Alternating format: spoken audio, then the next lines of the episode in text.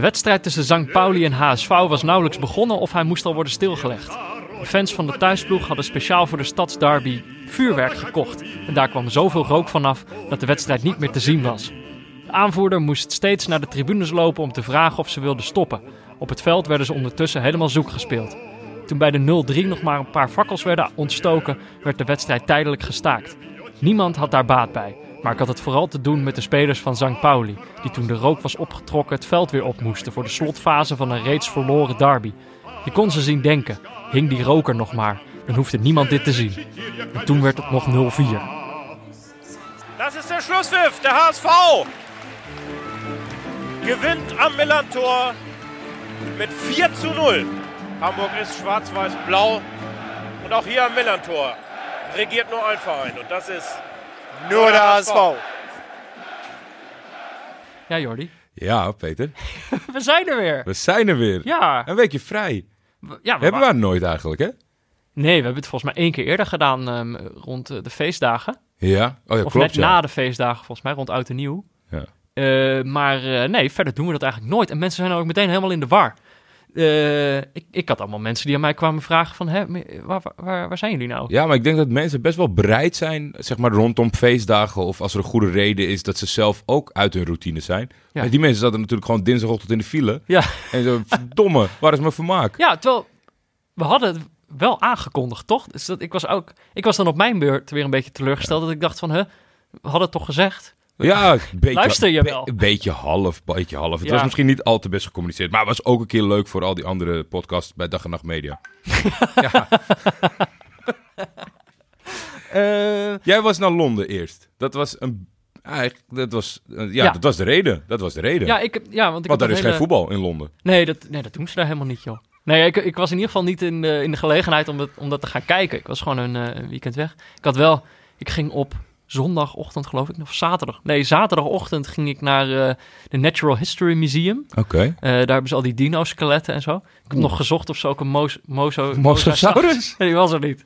Die was er niet. Dat was toch wel teleurstellend. Dan had ik, had ik even een foto voor je gemaakt. Maar toen ik daar naar onderweg was, in de, in de tube, toen waren er onderweg wel allemaal eh, mensen in Tottenham shirts. Toen dacht ik, oh ja, de North London Derby was natuurlijk eh, exact dat weekend. Maar eh, nee, daar heb ik eh, ook niks van meegekregen. Oké. Was ook niet, volgens mij niet een heel fantastische wedstrijd. Ik Nee, heb niet heel veel gemist. zeker niet. En jij, wat heb jij gedaan eigenlijk? Ja, ik dacht, als, als Peter naar het buitenland gaat, dan moet ik dat ook maar een keer doen. Oh ja, jij was, ja, Santiago Bernabeu. Zo. Ja, jij dacht, ik ga even daarheen. Ja, nou, eh, vanuit, eh, vanuit werk worden er wel stripjes eh, georganiseerd met ge- gecombineerde opdrachtgevers en dat soort zaken. En ik ben iemand die altijd zegt, nee, dank je. Ik ga niet mee. Echt? Ja, ja, ik ga die, die buitenlandstripjes, ik vind dat allemaal net... Maar goed, Net even je bent dan wel weer zo opportunistisch dat als Ajax de speelt. Nou, ja, ik kreeg een telefoontje en toen zei ze, nou, het, zou toch wel echt een keer leuk zijn als je, de, als je, er, als je mee zou gaan. Maar die kleine was nog niet geboren. Ja, dat, hij, zou dat wel, moment. hij zou op dat moment dat ze het vroegen. Dus ik, ik, ik voelde me er niet heel prettig bij. Mhm. Plus, we hadden eerst nog de thuiswedstrijd. ja. En iets minder fanatieke mensen denken dan, ja prima, dagje Madrid is toch mooi om een keer bij geweest te zijn. Maar Ja. ik ga er niet graag heen als je thuis 0-4 hebt verloren. Nee, Maar ja, nu eh, eentje die ik eh, eigenlijk nooit meer zal vergeten. nee was, geen eh, spijt van, neem ik aan. redelijk sensationeel om dat van dichtbij te mogen zien. Hoe, hoe ging je daar naartoe eigenlijk? Hoe, zei, hoe, hoe zat je in dat stadion? Dacht je, dit, eh, hier gaat wat moois gebeuren? Of, eh, Ja, dat vond ik dus echt heel vervelend, want ik ben redelijk pessimistisch, eh, pessimistisch ingesteld.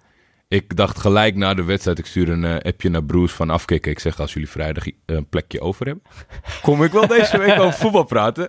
Opportunistisch als ik ben. Ja, Eh, dus daar had ze ook een compilatie gemaakt van alles wat ik eh, in de afgelopen jaren over Ajax had gezegd. Dat duurde volgens mij 12,5 minuut dat ik alleen maar slechte dingen over Ajax zeg. Dus daar, daar lag het echt niet aan. Maar ik had een, ik had een goed volgevoel. Arco heeft volgens mij nog een, eh, nog een eh, WhatsApp screenshot neergezet dat ik tegen hem zeg, we gaan het gewoon flikken. oh ja, oh, ja dat heb ik voorbij. Maar ik had natuurlijk niet op deze manier. Ik denk er zit wat in. Die jongens hebben echt wel een, bep- een bepaalde uitstraling waarvan ik denk, ja, het maakt ze niet zo heel veel uit tegen wie ze spelen. Mhm. hebben we natuurlijk in de, ook in de groep gezien. Ja. Maar ja, dit is dan wel weer een, een schepje Zo, daarbovenop. het was, ik, eh, ik, ik heb dit in, ja, even voor de luisteraar. Dit is natuurlijk, dit is even een blokje over niet-neutraal kijk. Ja. We moeten het toch even over hebben. Ik ging het in de kroeg kijken. Eh, doe ik vaak met, eh, met dezelfde vriend Bowie. En wij troffen elkaar voor de deur van, van, van die kroeg. En we pelden een beetje zo van, nou, eh, wat er denk jij ervan? Geluid? Ja? Eh, nee. Nog steeds niet... eh, Nou ja, nee, ik kan, al- kan me alleen maar herinneren wat iedereen aan het roepen was. Dus ik kan, niet, ik kan me niet herinneren of ik iets van dat stadion... Maar we, we stonden, voordat we naar binnen gingen was het een beetje zo van... Nou, eh, ik heb er eigenlijk wel... eh, ik, ik heb er wel een goed gevoel over eigenlijk. En hij ook. Ja, alsnog verwacht je dan niet dat dit gebeurt. Dus Nee. nog, je gevoel hangt natuurlijk ook niet echt samen met, met wat er gaat gebeuren. Het is gewoon maar een gevoel. Ja. Maar eh, dat was wel... Kijk, en dat is natuurlijk... Toen wij met deze podcast begonnen... was het Nederlands voetbal op een iets ander punt natuurlijk. Kijk, daarom, daarom werd het neutrale kijkers. Omdat bijvoorbeeld het Nederlands zelf dan niet meedeed. En omdat er meer behoefte was aan neutraal kijken. Maar als je echt een keer op deze manier kan juichen voor een club waarvoor je bent. Ja, we hebben het daar vaker over gehad. Dat is wel dat is wat anders. Dat is, dat is zeker anders. En ik zat er nog niet eens in het stadion. En ik denk gezien al de positiviteit van ook eh, niet-Ajaxide, dat dat het, het, heeft volgens mij iedereen wel bereikt dat het redelijk bijzonder was. Ja, en jij was daarbij. Ja, ik was daarbij. Wat leuk. Ja, dat was ontzettend leuk. Leuk, eitje, leuk eitje. Eh, daarnaast eh, moet ik even excuses maken aan de vorige winnaar, want het was nogal druk, dus eh, zijn, eh, zijn hard gras wordt nog opgestuurd. Van de retweet-actie. Ja, van de retweet-actie die we altijd doen. Mhm. Nou heb ik deze week een hele mooie... Je hebt weer een actie. ik heb een mooie actie eh, Er zit allemaal deeltjes te kunnen regelen. Ja, nee, dat, is, eh, dat vind ik ontzettend leuk om te doen. Want ik was eh, helemaal in mijn nopjes. Hij heeft ook wel iets met de... Want je zou denken, ja, het past helemaal niet bij voetbal of wat dan ook. Mhm. Maar er zit een terugkerend element in en dat is Urk. wat, wat kunnen mensen winnen? Vertel. Urk-watcher Albert Visser Ja. eh, retweette een artikel van het Financieel Dagblad. Ook onderdeel van de show. Mhm. Hey, ja. Het Financieel Dagblad van de show. Ja. Er is dus een soort... eh, ben je bekend met de Marley Spoon en Hello Fresh en dat Ja, soort praktijken? de De, maaltijd- maaltijdboxen? Maaltijdboksen. Ik ben een heel groot liefhebber van, eh, van vis. Ik eh, kan mij niet gek genoeg Je zijn. bent een visman. Ik heb alleen denk ik nog nooit een mosasaurus gegeten, maar daarbuiten bijna wel alle vissoorten. En, Nou gaan eh, mensen zeggen dat het geen vis is. Die, dat Oh. zijn weer die dino-kenners, hè? Die dino, die zijn heel streng. Heel scherp van jou. Het scheelt, weer twaalf mailtjes. Vis. Freshly Fish. Dat is een nieuw initiatief van drie, eh, drie heren van... Wat is het nou? Van of op? Oh, god. Dan gaan, Gaan we we weer. Ah, ja, ergens. Met hun roots in Urk. Eh, waaronder Tim Brouwer. En eh, ja, ik, eh, ik maakte een geintje tegen Albert van... regel ja dat we zo'n box weg kunnen geven. en ze vonden dat hartstikke leuk. Dus ik zou zeggen mensen... ehm, ook al win je het niet, als je wint heb je heel veel mazzel. En dan ben ik een beetje jaloers op. Normaal zeg je altijd, ik hoop dat ik win. Ja, ik ik hoop, dat, dat ik zelf dit keer win. win. Oké. En eh, ja, probeer dat een keer uit. Het zijn net begonnen en het eh, lijkt mij als eh, visliefhebber ontzettend leuk. Maar die moet je wel op tijd opsturen. Anders krijgt iemand, iemand een, hele, een emmer vol rotte vis en een hele slechte review voor Freshly Fish, denk ik. Nee, dat ga ik op tijd regelen. Oké, dus er, komt een, de, de, jouw tweet met de aankondiging van deze aflevering. De linkjes erin daarin. als je die retweet. Ja, Ik bedoel, dat staat ook allemaal in die tweet. Maar dan kan je dus een, een doos vol vis winnen. ja. dat, is, dat is het ding. ja ik denk qua waarde de beste prijs tot nu toe. Ja, te gek. Wat leuk. Rectificaties. Eh, ja, nou die waren er wel een paar. Even kijken. Eentje voor mij, yes. Ja. Ja, dit was iets dat ging echt volledig langs mij heen. Jij, jij begon over iets en ik, heb- ik, ik begreep niet waar je het over had. Je had het over een slogan, niemand is een binnenmens. En je wist niet meer van welk bedrijf het was. Ja, Dus misschien niet een heel goede slogan. maar iemand Ja, heeft even opgestuurd wat het was. beste, of het, nee, niet eens beste. Jeetje, wat recht voor zijn raap. Eh, Peter Jordi, sinds jullie WK optreden een trouw luisteraar. Afgelopen week kwam een onderwerp te sprake waar ik op moet reageren. Excuses. En ik weet dat deze rectificatie waarschijnlijk te laat is. Niks is bij ons te laat. Nee joh. Buitenmens en Velux? Vraagteken. De slogan goed, niemand is een binnenmens. Maar dit dan koppelen aan een merk wat uitsluitend je leefcomfort binnen verbetert. De drie jaar lopende campagne is van Bever. Artikelen van buitensport hebben blijkbaar niet de gewenste impact. Bever, maar ook Velux zou een waardig vervanger van KVB Kicks kunnen zijn. Vanuit mijn professie bezien, jullie kunnen met neutrale kijkers naar verwachting meer bijdragen aan awareness van het merk en boods boodschap dan de doorgaans onopgemerkte spots in een druk tv- of radioreclameblok. Hier overigens eens met Dag en Nacht Media gesproken. Oh, Hey. weet je. Bever. Beversports. Bever Sports. Ja, maar dan, moet Niemand ik, is een binnenmens. ja, maar dan moet ik steeds lopen naar de studio op van die wandelschoenen. Dat vind ik echt te ver. Ik vind het goed. Als Bever ons sponsort, dan wil ik wel een afritsbroek. Met daar dan alle opnameapparatuur in. We worden gewoon een wandelende studio. Dan gaan we wandelend opnemen, Jordi. Kunnen we dat niet doen? Ja, een ik- keer een wandelaflevering voor Het beeld, Bever. het beeld dat jij alle benodigde artikelen voor een podcast uit al je zakken haalt, vind ik wel gewoon ontzettend leuk. Nou, Bever, eh, kom erop. Ja, dankjewel Koen voor de le- leuke rectificatie. tijdens opnames zijn wij ook binnenmensen. Dit zijn de leukste rectificaties, hè? Waarbij we niet alleen terecht worden gewezen, waarbij we mensen niet alleen eh, ons even laten merken hoe, hoe stom we zijn, maar dat we ook iets nieuws leren. Ja, Dat vind ik leuk. ik ook. Niemand is een binnenmens. Niemand is een binnenmens van Bever. Van Bever. Ga nu naar de Bever. Beste neutrale kijkers, Oh we moesten het ook eens laten weten wanneer jullie gelijk hebben, vonden jullie. Daarom geen rectificatie, maar een steuntje in de rug vanuit Sao Paulo. Vanuit Sao Paulo. Nou, dat, is voor, dat is voor het eerst, denk ik, toch? Dat denk ik ook wel. Ik denk, oh, Lars Ik uit- vind het altijd grappig als ik naar die statistieken kijk en dan zie je hele gekke plekken waar het geluisterd wordt. Dan denk je, ja, Ja, dat zal wel, ja. Dat kan, kan haast niet. Maar Die dat, heeft wel een gekke VPN aanstaan, Ja. alsof het is een bot. leuk, eh, leuk dat het dan, als dat dan waar is. Ja, Eh, want- Lars. Lars uit Sao Paulo. We, hadden het namelijk vorige week over de, over de goddelijke Canaries. En wat een domme bijnaam we dat eigenlijk vinden Ja. voor de Braziliaanse nationale ploeg. En we vroegen ons toen volgens mij al hardop af van... zouden ze dat zelf eigenlijk wel zo noemen? En we hadden al zo'n vermoeden. En dat vermoeden klopt dus, bevestigt Lars... dat ze worden in eigen land helemaal niet de goddelijke Canaries genoemd. Ze worden, sterker, maar, sterker nog, ze gebruiken dus dat woord goddelijke niet...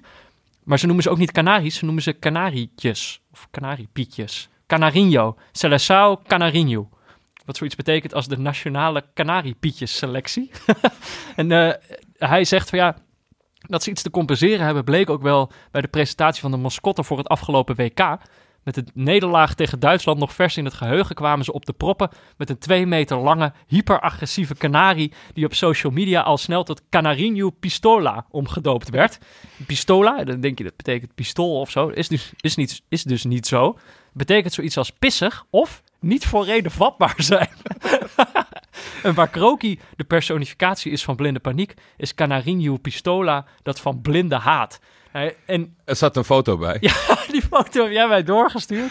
Het, nou ja, we moeten die ook denk ik even op, op Twitter of ergens online zien te krijgen. Ik, eh, misschien eh, doe ik hem als... Ja, ik pak altijd een fotootje van de wedstrijd. Maar eh, daar komen we uit. Ik, ik zorg dat de mensen hem ook zien. Komt goed, maar ik vind het zo grappig. Weet je wel, een mascotte heeft vaak wel een- soort karaktereigenschap. Dus hij is of nieuwsgierig. Meestal is hij gewoon vrolijk. Ja. Maar dat, ze dan, dat je dan kiest dat, ze een, dat zijn karaktereigenschap is dat hij niet voor reden vatbaar is. Dat ik zo grappig.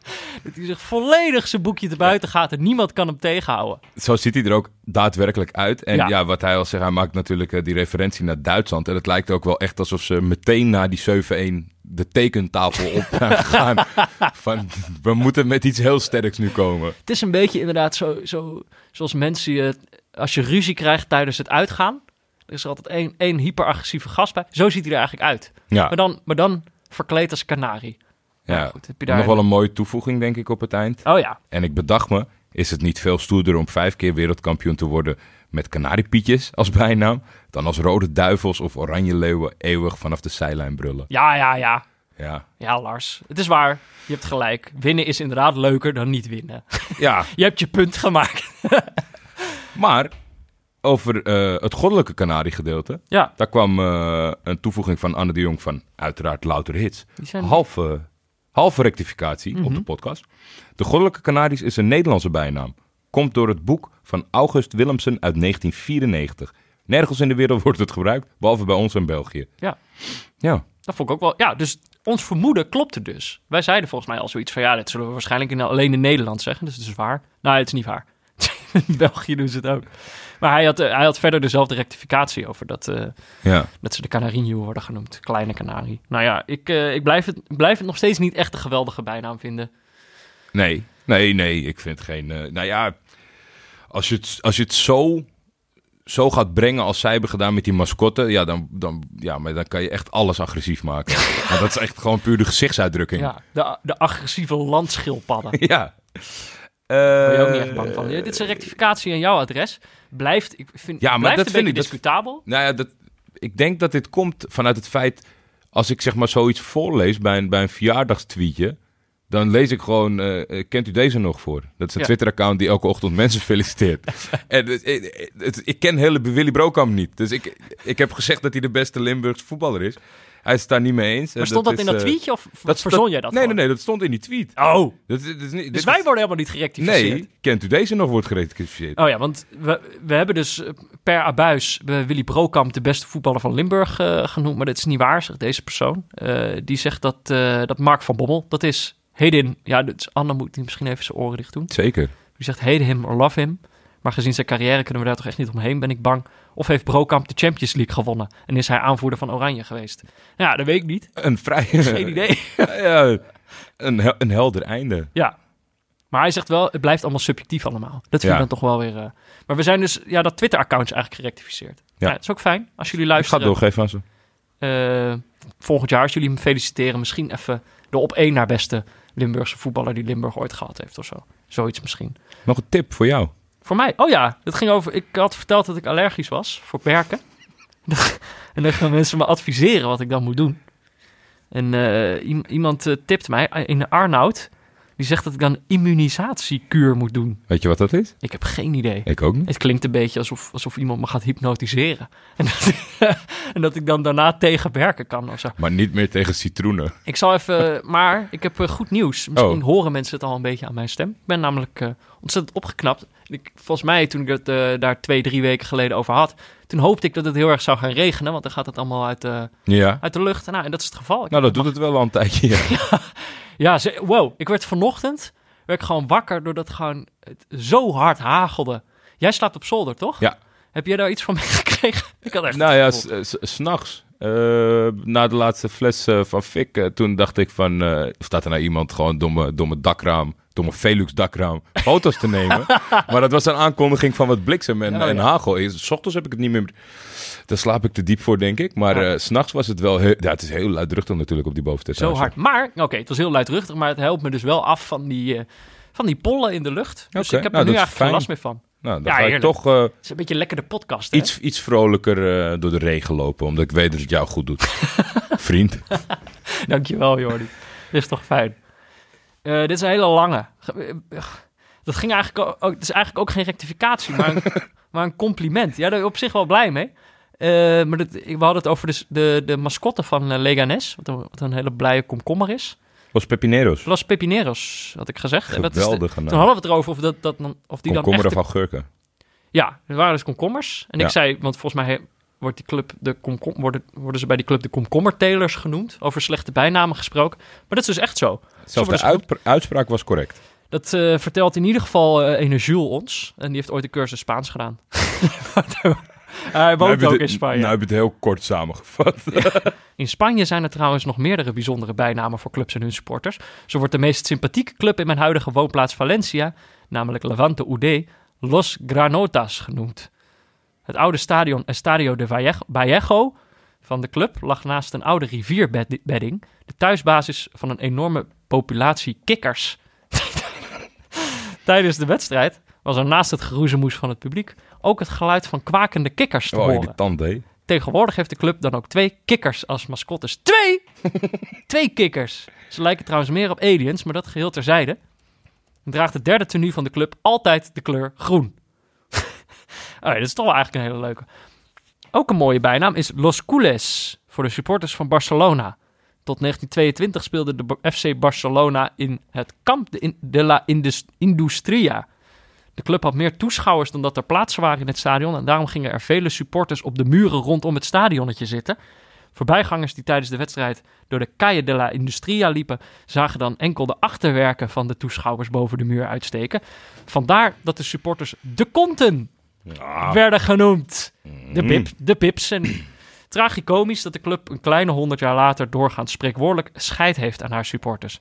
Maar dat Meske een geldmachine... Oh, Keurig. Ja, ja, ja, ja. ja. Meske een geldmachine gebeuren is weer een heel ander verhaal. Tot zover deze Siert de Vos-achtige bijdrage uit Spanje. Staande ovatie. Onverwachte ovatie. goed, Saludos. ges- goed gesproken. Saludos, Jules.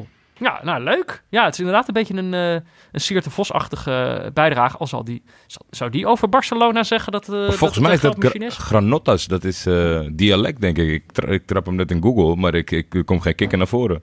Jij komt geen kikker tegen. Eh, De kikkers. De kikkers. Ja, vind ik leuk. Oh ja, een leuk nieuwtje. Ja. Van de niet zo's van. Dag Peter en Jordi, als ik mag. Natuurlijk mag je. Tuurlijk. Zeg, zagen jullie dit nieuws van mede-analyst en niet-zus van al? Voetbal kijken in de volle breedte. Veel groeten, Jan. Imke Courtois, die heeft een, eh, een, Ja. een toppelpak getekend bij het VRT. ik Ja. weet niet, ik weet alleen, ik snap echt helemaal niet eh, als wat. Ze wordt expert sport en gezondheid bij Ja. Sportza en VRT. Gaat de mensen vertellen wat gezond is? Ik heb geen idee. Ik, Ik ik, heb geen ik idee. snap niet wat de functie Maar- is. Eh, Alles met, wat met Imke Courtois te maken heeft, juich ik toe. Ik heb natuurlijk deze zomer een ernstige fout gemaakt door haar de zus van Thibaut Courtois te, no- te Ja. Terwijl ze dat eh, expliciet niet is. Heeft ze je ook persoonlijk verteld? Heeft ze me persoonlijk laten weten. Eh, maar eh, nou ja, Imke, als je nog steeds luistert, gefeliciteerd met je nieuwe Van baan. harte gefeliciteerd. Ja, dat is toch leuk hè? Vind ik leuk. Tot slot. Nog een compliment. Je hebt allemaal complimenten erin gezet. Nee joh. Oh. Dit was geen compliment. Dit, Nee? is, dit is weer een, een aanval Oh, nee. op mijn op mijn authentieke dialect. Ja, je hoort, ja, oh ja, precies. Beste Jordi en Peter, dank voor neutrale kijkers. Graag gedaan. Jullie hebben mijn voetbal kijken en afwassen echt leuker gemaakt. Nou, daar ben ik hartstikke blij Dat mee. is, toch, dat is eigenlijk was het het doel van deze podcast. Ja, dat het mensen gewoon- weer zouden laten afwassen. Tien mensen gewoon vrolijker kunnen laten afwassen. En dan was het voor ons geslaagd. Ik heb ook nog nooit eerder gereageerd met een rectificatie. Maar dit moest me toch van het hart. Jordi spreekt op enig moment over de Olympische Spelen. Oh nee, Olympische sport. Waarbij de I uitgesproken wordt op de wijze waarop Matthijs van Nieuwkerk en Erika Terpstra hem uitspreken. Een soort U of Eu klank. Ik wil Jordi niets verbieden, maar hem wel graag met klem in overweging geven om dat niet meer te doen. Ik leen daarbij ter onderbouwing van Pieter Derks een term teupische geumpies. Teupische geum. Teupische geumpies. Ja, gein, geinig. Verder veel dank voor jullie mooie podcast. Vijf sterren. Ik zal hem nog even officieel maken. Oh. Nou, dankjewel Nou, Dirk. dat is hartstikke fijn. Dirk, O- wat? Oli- Olympisch heb jij gezegd. is het Olympisch? Olympisch. Olympisch. ja, ja. jij zei blijkbaar Olympisch. Ja, het is mij niet eens opgevallen. En ik, ik heb voor de, voor de speld heb ik nog een keer een stuk geschreven over, over de Olympische spelen, sp- spelen. Waar dan de- Nederland mikt op zeven medailles. maar ik, dat was dan een Olympische Spelen speciaal voor mensen die dingen consequent verkeerd uitspreken. Maar mij viel het helemaal niet op, joh. Ik heb het idee dat jij eh, bepaalde dingen van mij gewoon hebt uitgezet. van die je eigenlijk in het normale leven zou opvallen. Nee, ja, ik, ik zeg ook zeven. ik ben eigenlijk helemaal niet iemand die zich heel erg stoort. En al helemaal niet, eh, Ja. helemaal niet aan jou, Jordi. Een fijn persoon ben je. Ja, het is gewoon fijn. Ik vind het gewoon fijn om hier weer te zitten. hey, nu weer... eh, dat waren de rectificaties en complimentjes. is, toch, leuk? Eh, als je dat ook hebt, dan kan je natuurlijk altijd mailen naar neutralekijkers.gmail.com. Zeker. Kan altijd. Vinden we ook altijd leuk. Het is weer tijd voor de voetbalquiz. Ik ben, ik ben, we zijn één week eruit geweest. Ik ben vergeten hoeveel het staat. Ik sta 3-2 voor, Ja? denk ik. Oké. Nou ja, dat accepteer ik bij deze gewoon. Misschien dat mensen nu die het wel in de gaten hebben gehouden... mij- Woest. Nee, volgens mij, volgens mij. Als je nu bijna in de vangrail zat, stuur even een mailtje met wat de stand was. Oké Jordi, ben je er klaar voor? Dit is de categorie records. Records. Deze week doen we de categorie records. Spannend. De, de vraag die jij krijgt is... Wat was het grootste doelpuntenverschil ooit bij een interland? Zo. Dit is een mul- multiple choice vraag, sorry. Oh, 24-0, ja, 28-0 ja. Of 31-0? 31-0 C. Australië. Ja? Zo, jij bent... Oh, jij, gaat, jij zat echt te graven in plaats van eh, dat je gewoon totaal niet wist wat het zou zijn. Australië. De- maar ik dat weet niet of dat... Of, ja, dat was- wel een officieel interland. Nee, Jordi, ben je toch ook topper? Je hebt hem goed. Echt? Ja, 31-0. In een WK-kwalificatiewedstrijd op 11 april 2001 versloeg Australië Amerikaans Samoa met 31-0. Een leuk weetje. Met zoveel doelpunten vergiste degene die het scoren bijhield zich. En noteerde hij zelfs 32-0. nou ja, verzin je toch niet? Er is een fantastische documentaire over het Amerikaanse Samoa. Naar aanleiding van dit debakel en, en hoe het het volk heeft verscheurd. Ik kom volgende week Ja? terug met de titel, want het is echt, echt fantastisch. Volgens mij een, een, iemand uit Amerika wordt dat trainer en maken ze of een eerste keer een overwinning of een eerste keer een doelpunt. En het is prachtig met een, met een eh, volgens mij een transgender in de verdediging. Het is echt een topdocumentaire. Vet. Oh, dat wil ik wel zien. Ja, Eh, 31-0, dat was niet zo'n eh, zo'n succes. 4-2. Even voor de goede Maar wel een orde. plekje in de voetbalquiz. Ja, 4-2. Ik ben aan het schudden. Ik ik, weet niet of de mensen dat horen. Ik mag de aansluitingstreffer maken. Snel, 58. Hoe oud was de oudste voetballer die scoorde op een WK? Multiple choice? Nee. maar ik, ik, ja... Kan ik je een... Moet ik hint Oeh. geven? Ja, nou ja, even kijken. Je had... eh, afgelopen WK had je sowieso een van die, die, die keeper van Egypte. Dat was een van de oudste spelers. eh, Ja, die was nog bij het eerste WK geweest. ja, Ooit. Nou, maar dat was een van de oudste spelers ooit. Ja, dus daar moet klopt. het wel fors onder zitten, denk ik. Zeker ook omdat hij gescoord heeft. Hey, ik zeg Je- je kent- 40. Je, Moet alleen de leeftijd zeggen. oh, je toch? moest alleen de leeftijd zeggen. Ik dacht dat je moest gokken wie het was. Nee joh, 40. Nee, niet goed. Ja. Weet je wel wie het was? Of wie heb je in je hoofd als nee, oudste doelpunt te maken? Ik dacht gewoon dat kan nog. En als ik zeg een dansje bij de cornervlag? Bebeto? Nee, ja, dat is arm wiegen bij de cornervlag. Hm. Want het is echt eh, een een een één op één dansje met de paal. Kan ik me... Ja, god, dat zijn er zoveel. Ja? Ik veel, het schiet me niks te binnen. Roger Mila van Cameroen, zegt oh dat je ja. wat? Ja, nee, dat zegt me wel wat. Hoe Volgens mij is zelfs wel een liedje van MHD. MHD. Oh ja, Ja, Roger Mila. Die was 42 op dat moment. 42. Ja. Zo, Ja, 42. ze verloren die wedstrijd met 6-1. Maar het was een prachtig dansje. 42, dat is hartstikke oud, man. Ja, en dan nog op een WK schitteren. Ja, Ik heb nog even, Zo. ik heb nog 10 jaar. nou ja, 4-2. Dat wordt nu wel een beetje eh, Het gat is geslagen. Het wordt een beetje pijnlijk. Ja, jij wist dit ook gewoon. Dat is, ik vind het wel helemaal terecht, hoor. Mij hoor je niet klagen. Oké, eh, dan kunnen we naar de wedstrijd van deze week. Eh, want we hebben een toppetje in de tweede Bundesliga gekeken. Oh nee, we kunnen natuurlijk niet naar de wedstrijd van deze week. Want we hebben weliswaar geen, geen sponsor meer op dit blokje. Maar we hebben natuurlijk wel eh, een blokje hier uw advertentie. Ja, Met contactadvertenties. Dacht ik toch even zo de muziekje erin. ja.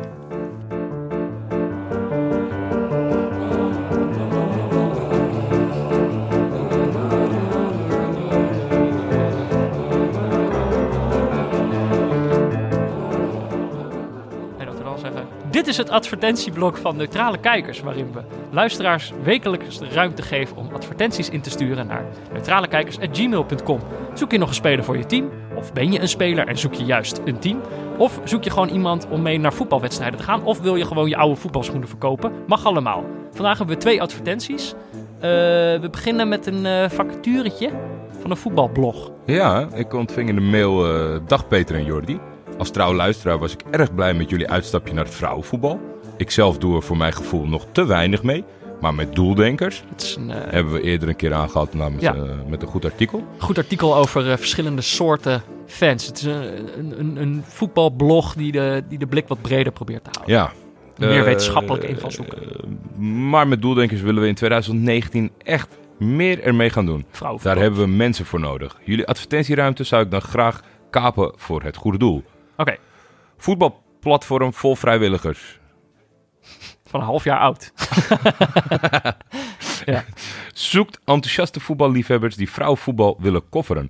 We promoten graag diversiteit, maar zijn nog veel te veel gefocust op voetballende kerels. We willen graag het gebrek aan coverage door neutrale kijkers aangestipt oplossen. Maar daarvoor hebben we meer mensen nodig. Ervaring is totaal geen vereiste. We zijn een opleidingsclub die graag kans biedt aan jong of oud talent. Mail gerust naar info.doeldenkers.nl voor meer informatie. Groet, Ricardo Walensky, Ja. oprichter. Ik zou zeggen, dit is, dit is echt exact waar, eh, waar, waar volgens mij dit advertentieblokje goed geschikt voor is. Zeker. Dus Zeker. ehm, ja, heb je zin om, eh, om te schrijven over vrouwenvoetbal? En eh, heb je daar no- nog geen plek voor gevonden? Dan stuur dan een mailtje naar Doeldenkers, zou ik zeggen. info.doeldenkers.nl En we hadden nog een berichtje. Dat is een audioberichtje. Die heb ik nog niet gehoord. Zullen we die even luisteren? Ja? Kijk een pressing. Kijk een pressing.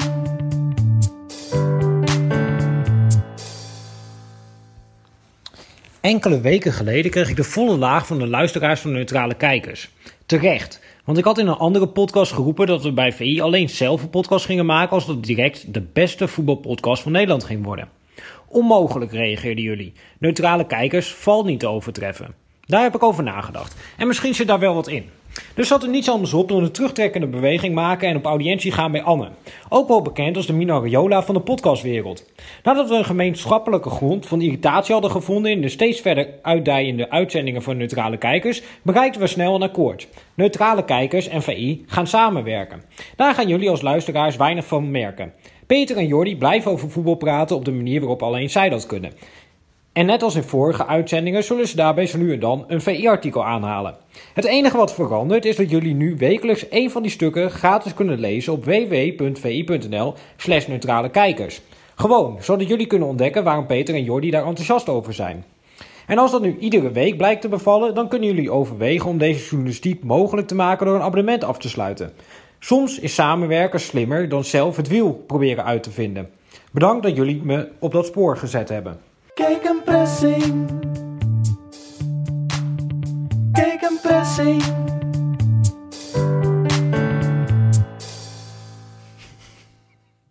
Nou, is dat leuk? Is Wat dat leuk, een Jordi? toeval. Wat een toeval zeg. Nou, wat leuk. Ja, nee, maar leuk. ja, eh matchmade in heaven, toch? Ja, nou ja, eigenlijk... Het, die match was er al, voor mijn gevoel. Het is Ja. niet alleen, we, hebben er, we hebben het iets officiëler gemaakt. En we hebben En, er ook ehm, iets voor ons uit eh, weten ja. te vissen. Nu hebben onze luisteraars er ook iets aan.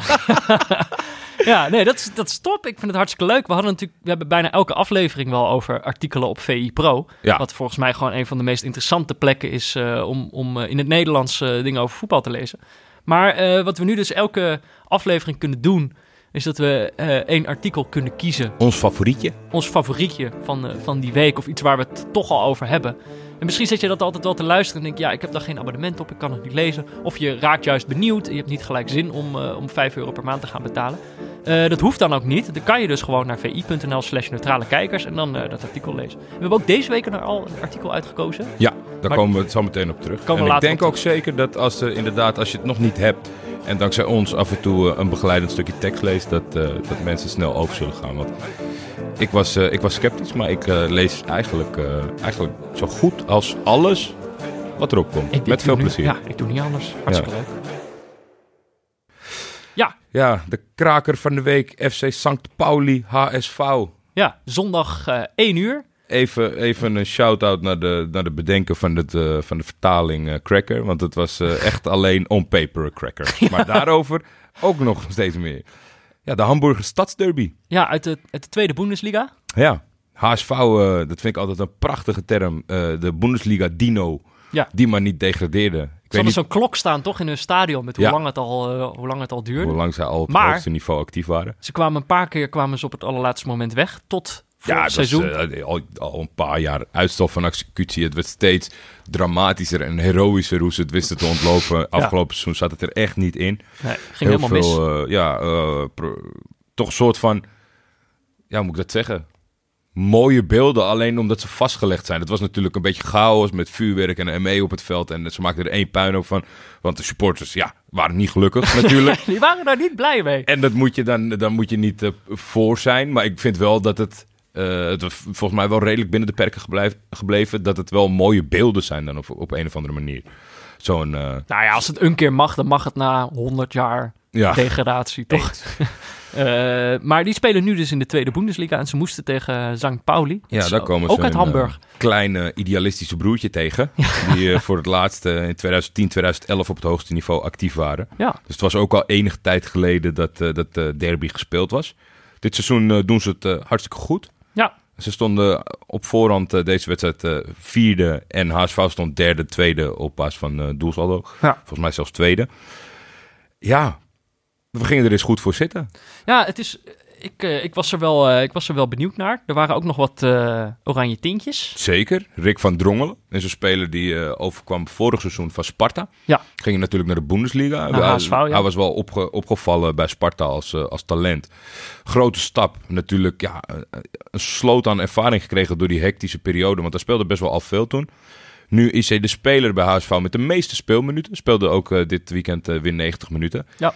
En ik denk eigenlijk wel, eh, als we even bij, eh, bij, bij Rick blijven, dat dit per ongeluk een soort van fantastische ontwikkeling voor hem heeft. eh. Dat het voor hem wel goed was dat ja, ze degradeerden. ik denk dat hij hierdoor misschien beter, uiteindelijk een betere speler zal zijn dan er anders in. Kijk, het is natuurlijk heel Nederlands talent, gaat naar Duitsland, degradeert, boos en wil op een niveau acteren, eh, zaken waarnemen. Voor het, maar hij is gewoon meegedegradeerd, speelt heel veel wedstrijden in een toch tactisch hele sterke en ook fysiek sterke competitie. Ja.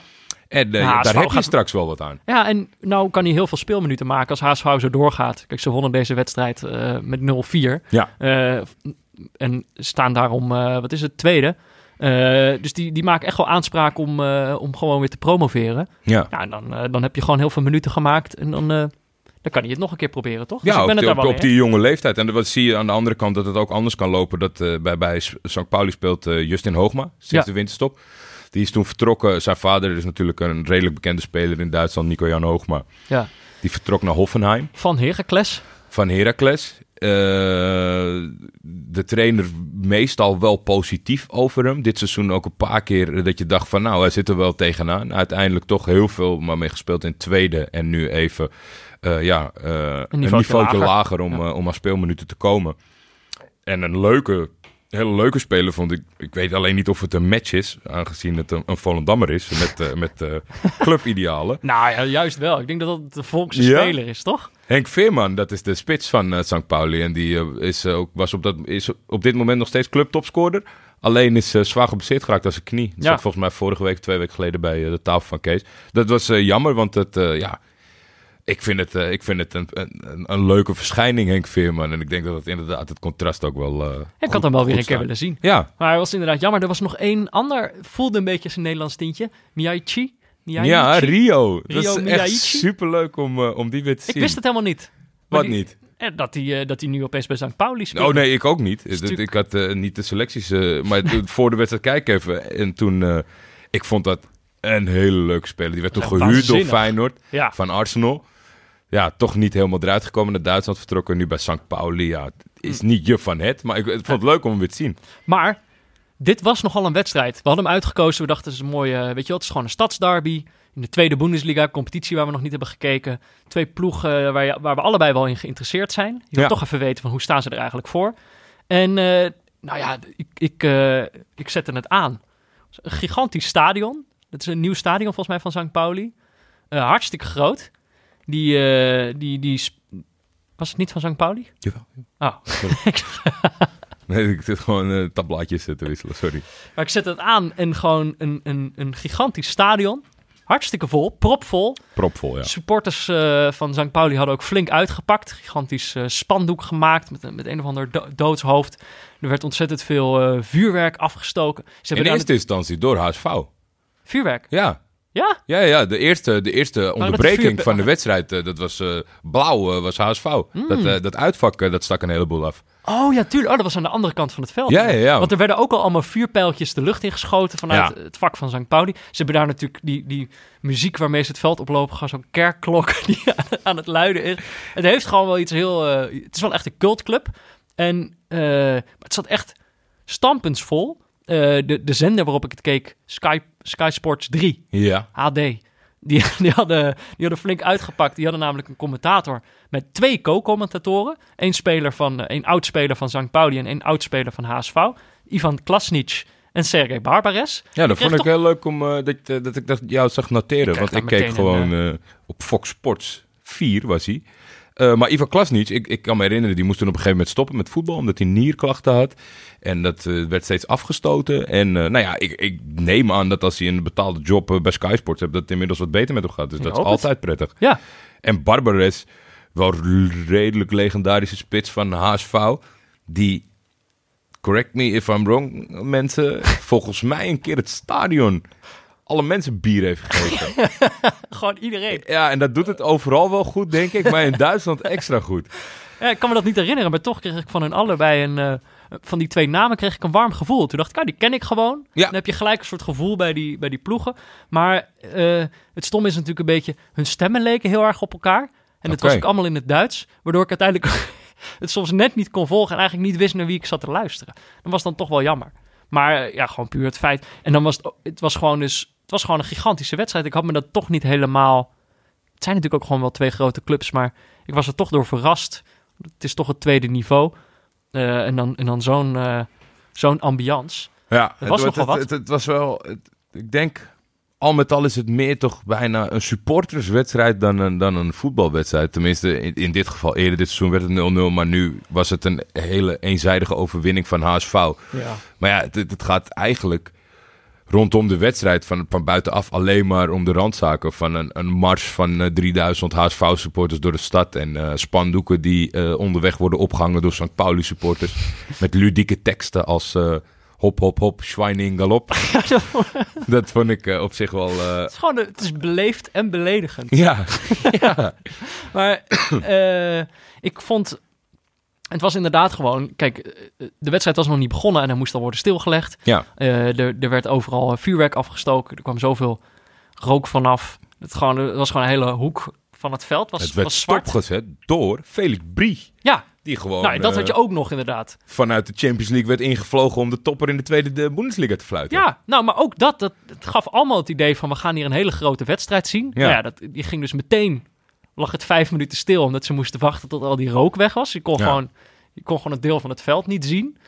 Eh, en eigenlijk vanaf daar, eigenlijk ook wat jij zegt, eh, het, een beetje het, het cliché, maar ja, het vuurwerk vond wel echt plaats op de tribune. Ja, Eh, want er waren dus, ik zei dat in de intro ook al, steeds momenten, dan waren die weer vuurwerk aan het afsteken, dan die weer. Steeds moest de wedstrijd weer stilgelegd worden. Op een gegeven moment moest die aanvoerder van St. Pauli, moest dan naar die supporters toelopen. ja het is ook altijd... eh, En dan zeggen stop, stop nou. En dan zie je al die gasten van ja, oké, oké, ja, oké, we stoppen. Tien minuten later steken ze weer allerlei shit af. Felix Brieg trekt al die mensen van het veld af. En eigenlijk, dat overschaduwde eh, het spel. Het spel eh, Ja, en het had was wat, eigenlijk het- niet om aan het te had zien. uiteindelijk wel wat sneus. Als je zo de pan in wordt gehakt in combinatie met, met, met een soort van agressie jegens de tegenstander. Ja, dat het... Ik weet het niet. Het is altijd fijn als het dan wel gepaard gaat met een beetje, met een beetje wedstrijd, zeg maar. Het was Ja. nu echt een soort van, ja... Nou, het werd natuurlijk het werd 0-4 voor Ja. HSV. En het was ook echt, dat paste best wel bij het spelbeeld. Ik, ik wist echt niet wat het plan was van St. Pauli. Ik heb die alleen maar lange ballen zien geven. Dan ging de bal naar de rechtsback. En dan denk ik, je hebt alle ruimte om op te dribbelen. En dan gaf hij zo'n hele hoge, harde bal naar de spits, die dan een kopduel verloor. En, dan, en, en zo ging het dan de hele tijd door bij St. Pauli. Ik vond Ja, echt... ik, ergens, ergens snapte ik het, snap ik het wel. Die, ze hebben natuurlijk die Alex Meijer eh, in de Ja. spits lopen. Een redelijke classic, eh, classic speler is dat. Die ook wel groot van postuur is. Indrukwekkend afscheid genomen na jaren goed te hebben gevoetbald bij Eintracht Frankfurt. Ja, Met die Alagui, ja, het best en Miyachi. Het zijn allemaal... Er zit veel meer voetbal in dan wij zien. Of de trainer met de doodskop op zijn borst eh, sloopt het er allemaal uit. Ik, ik, dat laatste lijkt mij het geval. Want er- staat veel meer kwaliteit op het veld dan wij hebben gezien, helaas. Ja, en ik, heb, ik had ook wel een beetje het gevoel dat het, die, dat de thuisploeg niet hielp. Dat die supporters de hele tijd liepen te, liepen te klooien. Dus ik vind dat zo... Ik, vond, ik kreeg echt een beetje het gevoel, jij, jij noemt het al sneu, dat ze zo bezig zijn terwijl ze worden afgemaakt Ja, op het veld. Maar ik had ook het gevoel dat, dat die supporters helemaal niet zo bezig waren met wat er op het veld gebeurde. Zeg maar, ja, die aanvoerder is al twee keer bij je langs geweest om te vragen of je geen vuurwerk meer wil afsteken. En dan doe je het gewoon alsnog. Dan moet iedereen het veld af, terwijl je ploeg staat al 3-0 achter. ja.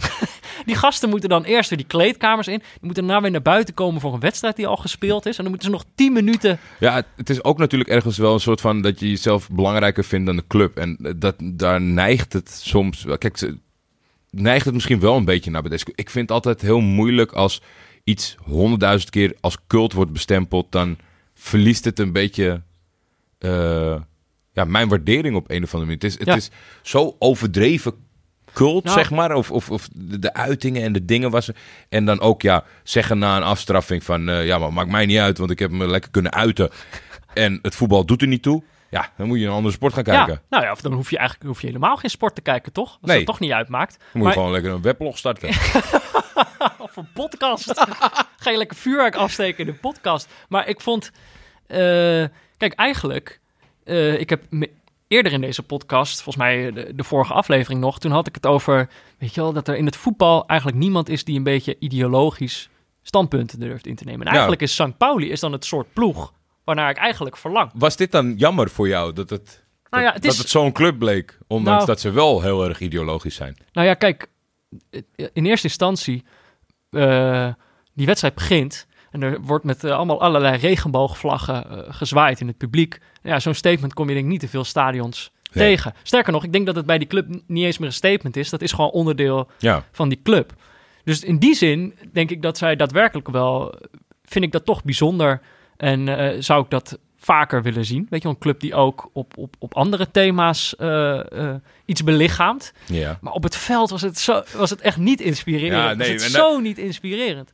Dat ik denk van, dat moet er eigenlijk dan ook bij. Dan moet je ook op het veld iets Ja, progressiefs maar doen. dat, dat bedoel ik. Is voetbal dan uiteindelijk niet te simpel? Want dat, je statement verliest. Of je statement komt niet aan als je niet serieus Ja, je kunt niet tegenstand zo, ja, biedt. En zo, en zo conservatief voetbal. Weet je, dat was gewoon geen idee. Gewoon lange ballen.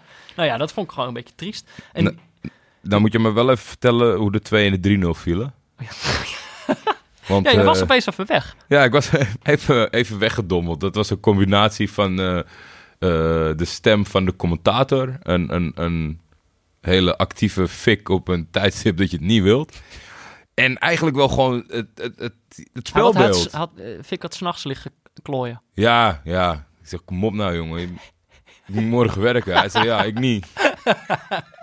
Nee, Toch alleen maar met zichzelf bezig. Allemaal vuurwerk afsteken. Ja, kijk, er is bij, bij mij al van alles gebeurd dat ik na 10 minuten dacht, oh shit, de wedstrijd is. En weet je, allerlei. Maar als ik kijk, kijk ik. En het is niet eerder voorgekomen dat ik. eh, Ja. Maar ik gun jou die rust gewoon hoor. Kijk, ergens is het toch ook gewoon wel een lekker idee dat soms... maar de wedstrijd is hier schuldig aan. Dus ja, dat- ik kan er niks aan doen. Nee, maar het is soms vind ik wel... Soms dan kan voetbal kijken ook zo heerlijk voelen als, als zo'n lekkere ontspanning, toch? Dan kom je automatisch in een soort... eh, dat is misschien ook het neutrale kijken. Toch? Bij een wedstrijd van Galatasaray zou je nooit in slaap... Zou je nooit aan je rust gekomen zijn. Nee, nee, Dan zou je alleen maar moe- moeier geworden zijn. nee. Nee, eens. Dus ik gun je dat gewoon. Ja, ik had nog eh, verder opgeschreven wat ik, wat ik jammer vond, is dat we dat eh, Jan Fiete Arp en Tatsuya Ito eh, afgelopen in de slotfase voor de degradatie kwam er nog een laatste trainer die eh, veel eh, voor de eigen talent ging. Mhm. Zij vielen daar eh, positief op. Jan Fiete Arp. Jan Fiete Arp, goede naam goeie- hele goede Hele naam. goede voetbalnaam. maar die komen er eigenlijk niet aan te passen dit seizoen. Dat vond ik wel jammer om te constateren. En de Nederlandse commentator die eindigde met na 17 jaar eindelijk weer de sterkste van de stad. Maar ik vind zo'n... Blijkbaar had HSV al... Ja, maar je kan toch zo'n derby niet tellen als er gewoon 10 jaar tussen zit dat je niet op hetzelfde niveau acteert. Ja, precies. Maar dat zijn inderdaad van Trek die... jaren er dan af. Ja, precies, Minimaal. Want blijkbaar had HSV al 17 jaar niet gewonnen van St. Pauli. Maar Nee. ze hadden ook al 10 jaar niet tegen elkaar gespeeld. Ja. of 9 jaar. Dus ja, ik ben het inderdaad mee eens. Dat soort statistieken die betekenen niet zoveel als je de context niet kent. Nee. Ehm, maar ja, het oordeel eigenlijk. Hè, we vragen ons altijd af, was dit een goede wedstrijd voor het neutrale kijken? Ik heb mijn oordeel al een beetje gezegd, maar ik heb me eerder heel positief uitgelaten over derbies. Dat ik Het zou zei mooi als je nu jubelend komt met prachtig. Nee, ik heb me eerder heb ik gezegd van we moeten meer derbies kijken. Want dan Belangen. is de, dan precies, dan zijn de belangen groot. En dan is er meer spanning. Dan gaan spelers onverwacht dingen fout doen. En dan eh, kan een wedstrijd ook onverwachter worden. Maar het gevaar is inderdaad dat je bij een derby krijgt dat, dat het meer gaat om het gedoe eromheen dan om de wedstrijd. En als je dan dus niet voor een van die twee ploegen bent, dan eh, blijft er weinig over. En dat Ja. was bij deze wedstrijd eigenlijk een beetje het geval. Er vallen vier goals, maar het was nou niet echt een, eh, een heel leuke wedstrijd om naar te kijken. Ik denk dat eh HSV lekker moet terugkeren naar de Bundesliga. En St. Pauli lekker demonstraties moet blijven organiseren op het tweede niveau. Verder nog wat leuks, Peter. Ja, we moeten natuurlijk al mensen feliciteren. Nou, moeten, moeten. Jij moeten, wil moeten. graag Ja, mensen ja, precies. Ik feliciteren. en ik geef jou daar alle ruimte Ik voor. en daarna word ik weer gerectificeerd omdat ik Willy Brokamp de beste Limburger heb genoemd. Nou ja, we, hebben één keer iemand gefeliciteerd volgens mij. Of toen kwam ik erachter dat, er, dat Ronaldo en Neymar op dezelfde dag jarig waren. Zoiets. Maar in ieder geval, ehm, ik vind het toch al... Ja, het is een leuke positieve noot. Ik vind het toch altijd even lekker wat mensen in het zonnetje zetten. Ik ben altijd Ik- benieuwd. Dag, laten we beginnen met... eh, dat is niet iemand die vandaag, eh, dus dat is eigenlijk de dinsdag. Dat moet ik er toch even bij zeggen voor mensen. Die is niet vandaag jarig. Die was afgelopen... Ik weet ook niet of hij afgelopen zaterdag jarig was, maar toen, toen vierde hij in ieder geval zijn verjaardag. Het is namelijk eh, Mi- Mink Runderkamp. Het is eh, zoon van een vriend van de show. Oké. En hij is zeven geworden. En hij had een voetbalwedstrijd. Toen kreeg ik een fotootje door van, van zijn vader, de, de vriend van de show. Die, die kwam Lasse Schöne tegen. Dus die stond op de foto met Lasse Schöne. Nou, Dus, dat is toch eh, een mooie verrassing. Op zijn verjaardag. Op zijn verjaardag, ik ben je zeven. Die gast net eh, die week heb je Schöne die vrije trap zien scoren. Dus eh, volgens mij een geweldige Ik trap. hoop dat het leuk was, want ze zeggen altijd never meet your heroes. was jij niet uitgenodigd trouwens? Nee, ja, feestje? blijk- blijkbaar niet. Nee, ja, maar kijk, ik wil hem toch graag feliciteren. Ehm, maar Ik ook. jij zegt never meet your... Heb jij je hero ooit ontmoet dan? Mm, voetbal, nee, voetbal hero niet. Nee, heb ik niet, heb ik niet ontmoet. Heb jij wel zijn held ontmoet? Nee, een held is dan inderdaad ook weer lastig. Ik heb, een keer, ik heb Frank de Boer een keer de hand geschud. Oh, dat zou me echt helemaal niks doen. Een Dat vriend, iemand die ik niet zou aanspreken. Ik was in, in, in, in, in Madrid waren we na de wedstrijd nog even naar een uitgaansgelegenheid. Mhm. En daarvan had ik vernomen de volgende dag dat er wat Ajax-spelers ook een... een, een, een- een- dat zou ik nooit naartoe lopen of, of wat dan ook. Alleen, een van de spelers was Onana. En dat is dan wel weer zo'n uitzondering dat ik denk van... Hey André, fotootje. Vind ik gewoon leuk voor Instagram. Ja. Nou ja, en ehm eh, wat ik nou zeggen? Ja, Frank ja. de Boer. Nee, dat een, eh, een vriend van mij, eh, die, die, kwam een keer, eh, die kwam een keer thuis, toen woonden wij in hetzelfde huis. Die kwam een keer thuis en die was op Gelderlandplein, was hij Louis Vergaal Oh, dat is wel tof. En die zei echt zo, ik ben Louis Vergaal tegengekomen. Hij was helemaal, zei, die man is intimiderend. Die was helemaal, hij was helemaal onder de indruk. Dus die had ook niks gezegd tegen hem. Daar had ik nou mee op de foto gewild. Ik weet niet meer hoe dat spelletje heet, maar het is eh, twee van die halve borden zo omhoog met een gat. En dan moet je zo'n eh, zak met zand doorgooien. Zo. Waar heb, jij, wat, waar heb jij het over, joh? ja, ik moet even... ik weet niet hoe dat spel heet. Zak, zand, Zak met zand. gooi, spel. Waarom begin je hierover? Dat snap ik ook nog niet. Nou, omdat ik onverwacht, het, is, het was absoluut geen held van mij, maar ik heb dat spelletje s'nachts een keer op straat gespeeld voor de oude studio van Afkikken met Martin Siemek. Zo, Dat was een fantastische kerel. Was, eh, jij hebt met een zak zand staan gooien op straat. ja, samen. En Martin Siemek wilde mij in zijn team hebben, want hij, dat voelde goed, zei hij. ik zei, nou Martin, we zijn vanaf nu vrienden. Weet je al welk spel het is? Nee, dan kom ik, eh, dat zal vast wel iemand, eh, iemand mij gaan vertellen. Volgens mij komt het uit, eh uit het Veren- Verenigd Koninkrijk. Oké. Nou, Verder is jarig. ja, Kostas Mitroglou. Ja. Dacht ik toch, dat is- die zit tegenwoordig bij Galatasaray. Dus ik dacht, dat vind jij misschien wel leuk. Hoe Ja, doet hij het? ja, hij zit op dit moment als wij opnemen, want ze staan eh, 1-0 Oh. voor tegen Antalyaspor en hij zit op de bank. Nog steeds. Ja. Hm. Ryan Donk is net ingevallen. Hupkala. en tot slot is... Ja, dit vond ik Oh, toch dat leuk. is wel leuk, ja. De Zweedse club eh Djurgården Ja, dat is eh, 128 geworden. dat is zie je oud, niet hè? veel meer, hè? Dat is oud, hè? Dat Dat, dat clubs 128 worden. is hartstikke oud. Ja. Dat is hartstikke oud. Djurgården. Jurgardens, ja. ja, ja, ja. Oh, en trouwens, eh, hier, na deze uitzending moet ik eh, als de brand weer weg naar een etentje. Want ik moet ook mijn schoonmoeder feliciteren. Nou, Ook jarig. Van harte gefeliciteerd, Annelies. Annelies, van harte gefeliciteerd. En eh, hopelijk is het een leuk etentje. En hopelijk eh, hou ik Jordi niet te lang aan de praat. Dan komt Oh, het gewoon nee, op tijd. Oké. Dat komt wel goed? Ja, altijd. Oké. En dan het VI Pro artikel van de week. Ja, we, we kondigden het net al aan. we kondigden het net al aan. Eh, en dan moeten we natuurlijk ook even, even dat opvolgen. Ja. We, we hebben het hier wel vaker over VI Pro artikelen. En nu wilde ik het sowieso al over dit artikel hebben. Is namelijk... ehm, Wil je het eerst noemen? Eh, nou ja, ik kom er vanzelf op. Kijk, volgens mij heb ik dat in deze podcast ook al gezegd. Ik heb, ik heb mij eerder heb ik verteld van wat voor soort ploegen ik hou. En dat zijn vaak toch wel aanvallende ploegen met eh, jonge spelers. En, eh, maar ook echt ploegen met visie. En misschien is dat wel de verklaring waarom ik ook op een of andere gekke manier altijd wel een voorkeur heb voor deze club. Dat is namelijk Atletico Madrid. Toch in de afgelopen jaren sinds Simeone daar zit, Ja. echt uitzonderlijke prestaties. Echt niet leuk om naar te kijken, maar toch heb ik een fijn gevoel bij die club. En volgens mij komt dat vooral door deze ene speler, eh, en dat is Griezmann. Oké. eh, die we deze zomer natuurlijk ook op het WK hebben gezien. Maar die, dat vind ik toch, er is iets met hem en ik kan het niet helemaal uitleggen. En daarom is het zo fijn dat, dat je dan VI Dat VI Pro Pro hebt. dat doet. Nou ja, en dat je dan zo'n jongen als, eh, als Sam Planting hebt, die dan met cijfers en beelden gaat laten zien van wat voor soort speler Griezmann eigenlijk is. Dus hij heeft dat stuk geschreven. Maar er zit een waarschuwing in. Precies. Dat is dan nog wel het leuke. Hij zegt, uh, Atletico verandert langzaam in de grote Griezmann-show. Dat- Zo heet het artikel. En ehm, zijn punt is eigenlijk dat, eh, Dat hij te veel doet. nou, dat, dat, de niemand ploeg anders heel, wat doet. dat de ploeg heel erg afhankelijk van Griezmann is geworden. Eh, en in de loop der jaren stelt zelfs steeds afhankelijker. Ja. Eh, en, dat, en er zijn meerdere punten, weet je wel, dat er heel veel spitsen naast hem sneuvelen. Dus de Atletico heeft heel wat spitsen versleten, heel wat buitenspelers versleten. Dus dat eigenlijk, Dat vond ik nog indrukwekkender. ja? De, de buitenspelers die er niet uitkomen. Ja. Ja. Nou, dat is echt wel een, eh, een, een lijstje. En eh, dat is natuurlijk een beetje het ding met Atletico. Die hebben een heel stevig blok staan, waar moeilijk doorheen te komen is. Maar al die creatieve spelers, Vrij lastig. die, die sneuvelen daar. Maar dat is dus een, eh, ja, ik vond het een heel leuk artikel. Ik heb ook zeker vermaakt. Van Atletico nog één toevoeging, denk wat ik echt bijzonder vind. En als we ze niet meer kijken, dan moet ik het toch genoemd hebben.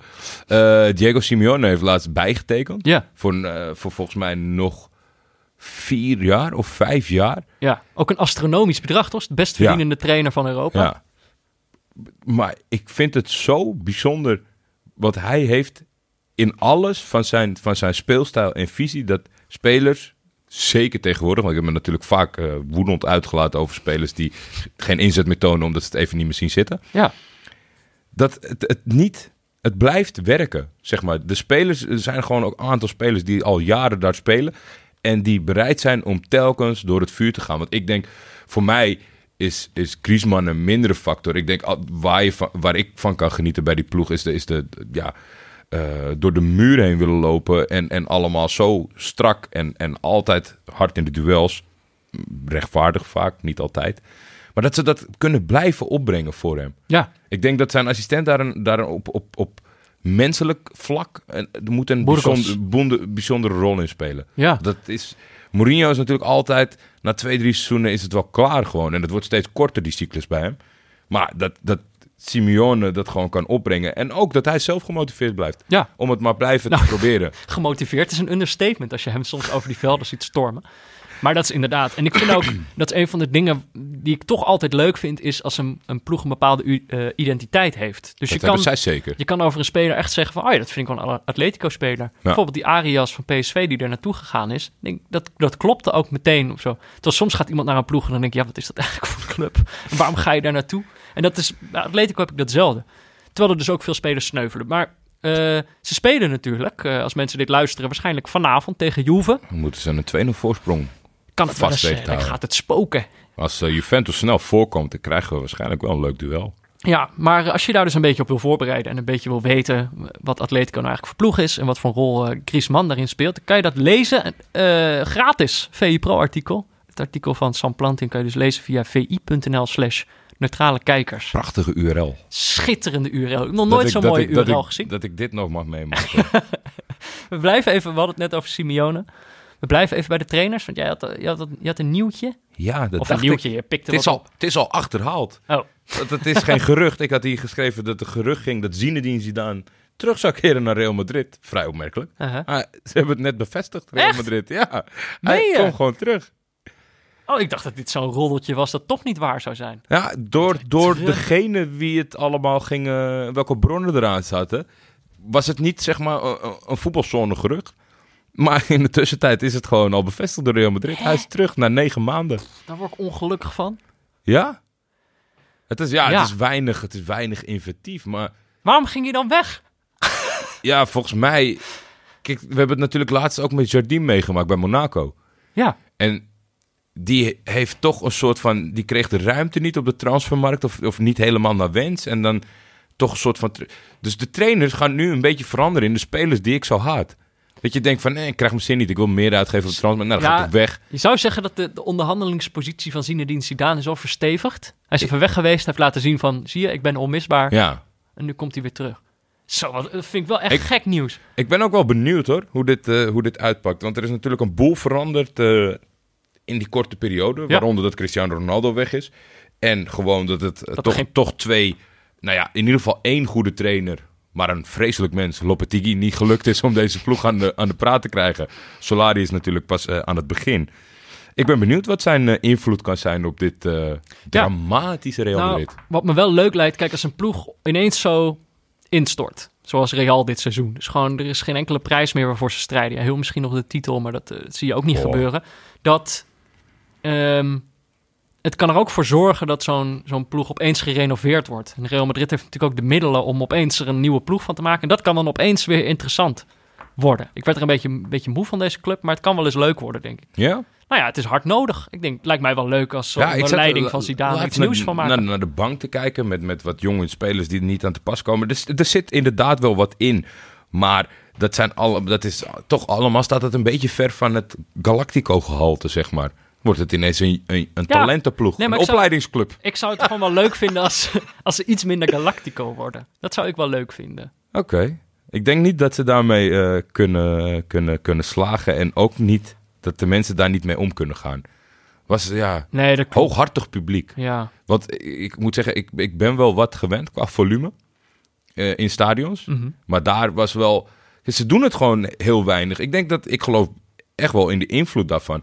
Op het moment dat zij allemaal de keel openzetten... Ja, dan, dan, Real Madrid? Ja, dan, want het stadion van Barcelona dat gaat zeg maar naar buiten toe. Dus dat is heel breed. Dus dat is Oh, een ja. beetje dof geluid. Maar dit staat zo goed als recht als een flatgebouw. Nou, het is echt indrukwekkend. Maar ze hebben tijdens de wedstrijd misschien drie keer vijf minuten gedaan. En ze waren ook allemaal weg op het einde. Ja, zeker. Of ze waren aan het huilen. wel genieten. Nog meer trainersnieuws. Nou ja, ik, wat ik al zei, van, ik word, werd dan een beetje ongelukkig van, van Zidane die dan weer Terug. terugkomt. Je vraagt je echt af zo van... Ja, het was wel echt Zidane's eigen beslissing om, om weg te gaan bij Madrid natuurlijk. Dat Ja. verandert het wel een beetje. Ik vind het ook een beetje raar dat hij dan terugkomt. Maar het is een beetje... Roma wordt natuurlijk uitgeschakeld in de, in de Champions League. Alweer op een beetje dubieuze wijze. Misschien op een wijze waar ze het zelf niet helemaal mee eens zijn. Eh, dan wordt die trainer wordt, wordt ontslagen. En dan nemen ze weer Ranieri aan. Het was zeg maar... Kijk, Roma... Ze hebben ergens op een gegeven moment besloten... van we gaan heel veel jonge spelers halen. We zetten Monchi daar neer. We gaan deze ploeg gaan we echt... We gaan, met het een nieuw Sevi- we gaan beleid. het Sevilla worden van Italië. Precies. En dan dat je zo snel... Na, na eigenlijk de eerste, de beste tegenslag. Kijk, niet dat ik ze het hele seizoen al volg, maar Nou, het gaat wel echt slecht al. Eh, Het gaat gewoon voetballend gaat het echt slecht. Maar dat je dan gewoon. Kijk, we hebben ze ook één keer gezien dit jaar, toch? Dat was ook echt niet om aan te zien. Nee. Maar eh, dat je er dan alweer van afstapt, weet je wel? In plaats van dat je dan dingen gaat. Ze hebben misschien al zat dingen geprobeerd, maar dat je dan niet. Je hebt toch ooit het geloof gehad in die trainer? Hoezo ga je dan bij zo'n tegenslag meteen er weer uitkeeperen en dan Ranieri, weet je, aannemen? Wat dan weer een soort. Ja, het, het- waarschijnlijk denk ja, maar dat is precies hoe het met voetbal gaat. Je zou zeggen als tussenpauze, maar als hij drie keer wint, dan, eh, blij- dan, dan blijft hij waarschijnlijk de trainer. En dan Ja, is dat was inderdaad- natuurlijk met Solari, weet je wel. Die wint een paar wedstrijden, geeft ze hem een dik contract. Ja, nee, Gattuso zit er als- enige nog, maar dat eh, ik, ja, het gaat nu oké. maar over het algemeen ben ik daar niet zo, niet zo groot fan van om een interim trainer na drie overwinningen. Want het is gewoon bewezen, of tenminste, ik weet niet of het bewezen is, dan worden weer mensen woedend, maar een, een, een schokeffect, van ja. een trainer is nou eenmaal aanwezig. Ja. En heb dat- je bij Solskjaer ook gezien. Dan moet je gewoon, ja, nou, Maar die heeft nog geen contract. nee. Ik, dat vind ik ook goed van Maar dat United. Laat hem gewoon het hele seizoen. Want hij zit nu zelf een beetje van... eh, nou, eh, ik zou wel willen blijven. en nu is hij eigenlijk eh, gisteren tactisch een beetje op zijn plek gezet door Emery. Ja. In de verloren Ja, duel tegen. Arsenal. Ja. Dat, dat is toch gewoon prima. Maak het seizoen maar af. En dan hebben we meteen na de laatste wedstrijd van het seizoen... gaan we zitten. Is dit wat wij willen? Ja. Dan heb je gewoon een mooie periode gehad... eh, dat je kan laten zien wat je kan. Ja, maar ik Of- vind dat zo... Ik vind gewoon dat dan bij Roma... Kijk, die, die Monchi wordt eruit gegooid. Die Palotta, ik weet niet of je dat had gezien. Die had weer een hele zielige... Hij had zo'n opmerking. En dat was dan weer zo raar. Hij zei iets van... Dat is de directeur van AS Roma. Ja. Hij zei zoiets van... Ja, vorig jaar werden we uitgeschakeld omdat er geen VAR was. Dit jaar is de VAR er wel. En worden we alsnog genaaid of zo. Weet je wel... Dus hij, hij maakt twee keer een bocht in verongelijkheid. Ja. om maar verongelijkt te kunnen zijn. Ja. Terwijl natuurlijk zat andere dingen mis zijn met zo'n club. Maar dat je dan zo'n directeur hebt die zich dan... Ja, op een gegeven moment, het, het, het, het blijft voetbal. En als het, als, het, als het spel steeds slechter wordt en de resultaten zit ook geen progressie in, dan snap ik dat een keer een trainer kan sneuvelen. Ben er niet zo voorstander van. Maar die Francesco is Ja. niet na een paar maanden. Maar dat je Monchi, dat je daar niet, mee, niet, niet uitkomt, dat snap ik echt helemaal niks. Ja. Want dat is inderdaad gewoon beleid voeren. En ja, eh, Nou, ja, ja. Ze, ons, ze, ze hebben nou al zoveel trainers ontslagen de afgelopen tijd. En dan zit nu eh, Justin Kluivert daar, weet je wel. ja en het volgens hem is het een superstabiele club. Ja, nou ja, we Eh. moeten het maar zien. Ik, ik vind... Wat ik zo stom vind, is van die clubs... Ze lijken niet echt te kiezen voor een beleid. Dus ze, lijken, ze is- zijn gewoon een soort... Dat is een prachtig brugge- bruggetje. Nee, dan kan je het zo meteen over die andere club ook zeggen. Ja, precies. Maar het is een beetje... Je probeert het steeds met een trainer. En als het dan net even klikt, dan hou je aan, aan hem vast of zo. Niet omdat hij dan precies het beleid heeft dat past bij jouw club of zo. Maar omdat het gewoon toevallig loopt. Ja. Eh, en volgens mij is dat echt... Ik word daar gewoon heel ongelukkig van. omdat gewoon... Volgens mij is het als trainer ook verschrikkelijk. Dat je gewoon weet dat je geslachtofferd wordt zodra het heel eventjes niet loopt. Ja. Terwijl je gewoon, eh, je hebt gewoon plannen gemaakt voor drie jaar of zo. Nou ja, inderdaad, een, bruggetje naar raar beleid. Jaap Stam is de nieuwe trainer van Feyenoord aankomend seizoen. Was jij daardoor verrast? Ik was daar behoorlijk door verrast. Niet zo, ja, ja, geen toevoeging eigenlijk. Ik was daar echt, echt door verrast. Ja, aan de ene kant niet om precies wat jij net zegt, van de- waar je ongelukkig van wordt, maar waar gewoon, wat gewoon de norm is in de voetbalwereld. Eh dik advocaat bellen. Eh, de achterban denkt, eh, willen we niet. Oké, nou dan doen we de volgende. Louis van Gaal bellen. Ik zou het in ieder geval andersom hebben geprobeerd. En die heeft eh, vriendelijk bedankt. En dan kom je uit bij Jaap Stam. Er is niet, zo, er is geen, niet echt een logica in, in, de, in de lijst Nee. van, van kandidaten. nee, maar dat bedoel ik dus eigenlijk. Feyenoord vind ik ook zo'n club waarvan ik denk van... Dit seizoen is het gewoon helemaal misgegaan. Je hebt, je hebt, je hebt, eh, je hebt Van Bronckhorst gehad die het een aantal goede jaren heeft gehad. Maar je, kan nu, je hebt nu een soort kans. Van fans verwachten niet zoveel meer. Je hebt nu een kans om, die, om zo'n club rustig te herbouwen. Ja, Je hebt niet hele goede spelers, maar die raak je dan kwijt. En dan moet je met eh, nieuwe oplossingen komen. Maar ik vond, en dan vond ik eigenlijk Dick Advocaat een veel... Daar werd ik veel verdrietiger van dan Jaap Stam of zo. Daar kan, bij Jaap Stam kan ik me nog voorstellen van... nou, dat is misschien een ja, trainer met wie je iets wat, nieuws kan waarom, doen. waarom ik het in deze rubriek heb gezet? Is omdat eh, nu na een aantal dagen artikelen lezen, eh, praatprogramma's, stukjes van, van luisteren, et cetera. Er is niemand die kan zeggen of voorspellen wat Jaap Stam voor trainer is. Ik vind dat zo grappig. Elk Er staan gesprek een paar artikelen op VI Pro eh, over. Maar het gaat elke keer. Zie je gewoon dat mensen meteen over, over een ander aspect beginnen. In plaats van dat, weet je, bij, ja. bij Ten Hag was het duidelijk van. Nou, hij wilde, weet je, zo op die manier. Van Bommel, nieuwe trainers, zijn benieuwd. En bij hem, ja, hij is naar Reading gegaan. En bij Ajax, jong Ajax, was het niet zoveel. En bij Reading eh, viel het in het eerste seizoen allemaal goed. In het tweede seizoen viel het niet goed. Toen werd hij ontslagen. Die, er is eigenlijk. Er zijn te weinig mensen die Reading hebben gekeken. ja, En er is gewoon nog geen duidelijke soep van te maken bij PEC. En toch is Feyenoord, een grote club als Feyenoord, bereid om hem een kans te geven op basis van wat? ja, ja, dat weet ik ook niet. Dat, ja, dat, dat vond ik vooral heel opmerkelijk aan dit verhaal. ja, ook hier word ik dan eh, een beetje ongelukkig van. Maar ik hoop, dus eigenlijk, hier heb ik dan wel echt de hoop dat het, dat het toch werkt voor Feyenoord of zo. Dat Dus het, ik heb dat niet het het toch iets wordt. Ik Maar ja, dan is het, het is gewoon dan een toevalstreffer. En Ja. dan, dan, zo be it. Maar dat is dan de volgende toegangstreffer eigenlijk in het, in het verhaal wat jij zegt. Ja, nee, precies. Want Ja. ze hebben niet voor hem gekozen voor... Nee, eh, want Ja, niemand, zij zeggen zelf, er komt wel iemand binnen. Nou, ja maar dat is ook zo. Jaap Stam. Ja. nou ja, ik weet het niet. Ja, ik vind... Ik zou, ik zou ook daar gewoon iets meer durven zien. Maar ik denk dat ook hier een beetje meespeelt. Dat Feyenoord denkt ook gewoon van... Ja, we, we kunnen niet met een onbekende, onbekend iemand komen. Ja. Dus dat ze toch al heel gauw hebben besloten... van het moet een Nederlander zijn.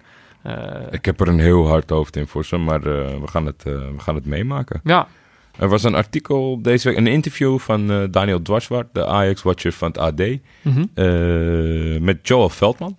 Nou, Ja. Dat ga ik altijd even lezen, dat vind ik hartstikke leuk. En er was een, een- twee passages en dan vond ik het jammer eh, dat er niet op, op, door, op doorgegaan wordt. Eh, het, het begint met de vraag en dan gaat, het, eh, dan gaat het die maanden plots niet meer over de aanvoerder van Ajax, Veldman. Tijdens mijn eerste blessure was ik een onbekende jeugdspeler en kon daarna aansluiten bij jong Ajax om vervolgens mijn debuut te maken. Nu is alles anders. Natuurlijk moet ik me weer in de picture spelen, maar ik besef ook dat de hiërarchie is veranderd. Matthijs de Ligt is de nieuwe aanvoerder en dat vind ik volkomen logisch. Ik zal weer voor mijn plek moeten knokken, daar ga ik vol voor. Maar je weet, ergens was het ook wel prima om even niet in de spotlight te staan. Als het slecht gaat, is het makkelijk om mij eruit te pikken. Dan komt een belangrijke doorvraag, vind ik. Wat bedoel je? Als Ajax slecht speelt, is het makkelijk om mij naar beneden te halen. Je weet toch ook hoe dat gaat? Dat raakt me niet meer. Maar toch is het lekker om even niets over je heen te krijgen. Begrijp me niet verkeerd. Als ik toch iets positiefs moet noemen van de afgelopen zware periode, is dat het. Maar hij geeft, hij geeft geen antwoord op. Ik, ik ben zo benieuwd wat hij. Wat, nou ja, hij- wat ik denk, hij heeft natuurlijk een hoop shit over zich heen gekregen. Zeker, zeker. En daar ben ik, eh, ben ik onderdeel van. ik, eh, hij bedoelt niet- eigenlijk jou. Hij bedoelt gewoon jou. Nee, maar ik denk, de, de- hoe bedoel je? En daar kom je eigenlijk niet verder van dat het makkelijk is om jou naar beneden te halen. Maar dat is, het is niet helemaal waar. Kijk, ik vind ook, op een gegeven moment is iets een beetje een karikatuur of, of een makkelijke grap of een, een terugkerende grap. Dat, dat zit ook natuurlijk eh, met bepaalde stommigheid in, in onze eh, podcast bijvoorbeeld. ja. En daar is hij wel, weet je, dat gaat het wel maar. Maar het is, het is te makkelijk voor mij om te zeggen van ja, als Ajax niet goed speelt, dan, eh, dan, dan ben ik altijd de Sjaak. Nou Want er zit ook een voetballend aspect aan. Hè? Het is ooit ergens vandaan gekomen, is omdat je vaak de minste was van de aanwezigen. Dus jij, zou, jij had graag gezien dat hij iets meer zou reflecteren op hoe hij zelf gespeeld had. Nou ja, van dat, die- als je dat meeneemt, dan denk ik ook dat je er minder zwaar aan tilt. Of dat je een ander oordeel stelt. Ja, ja.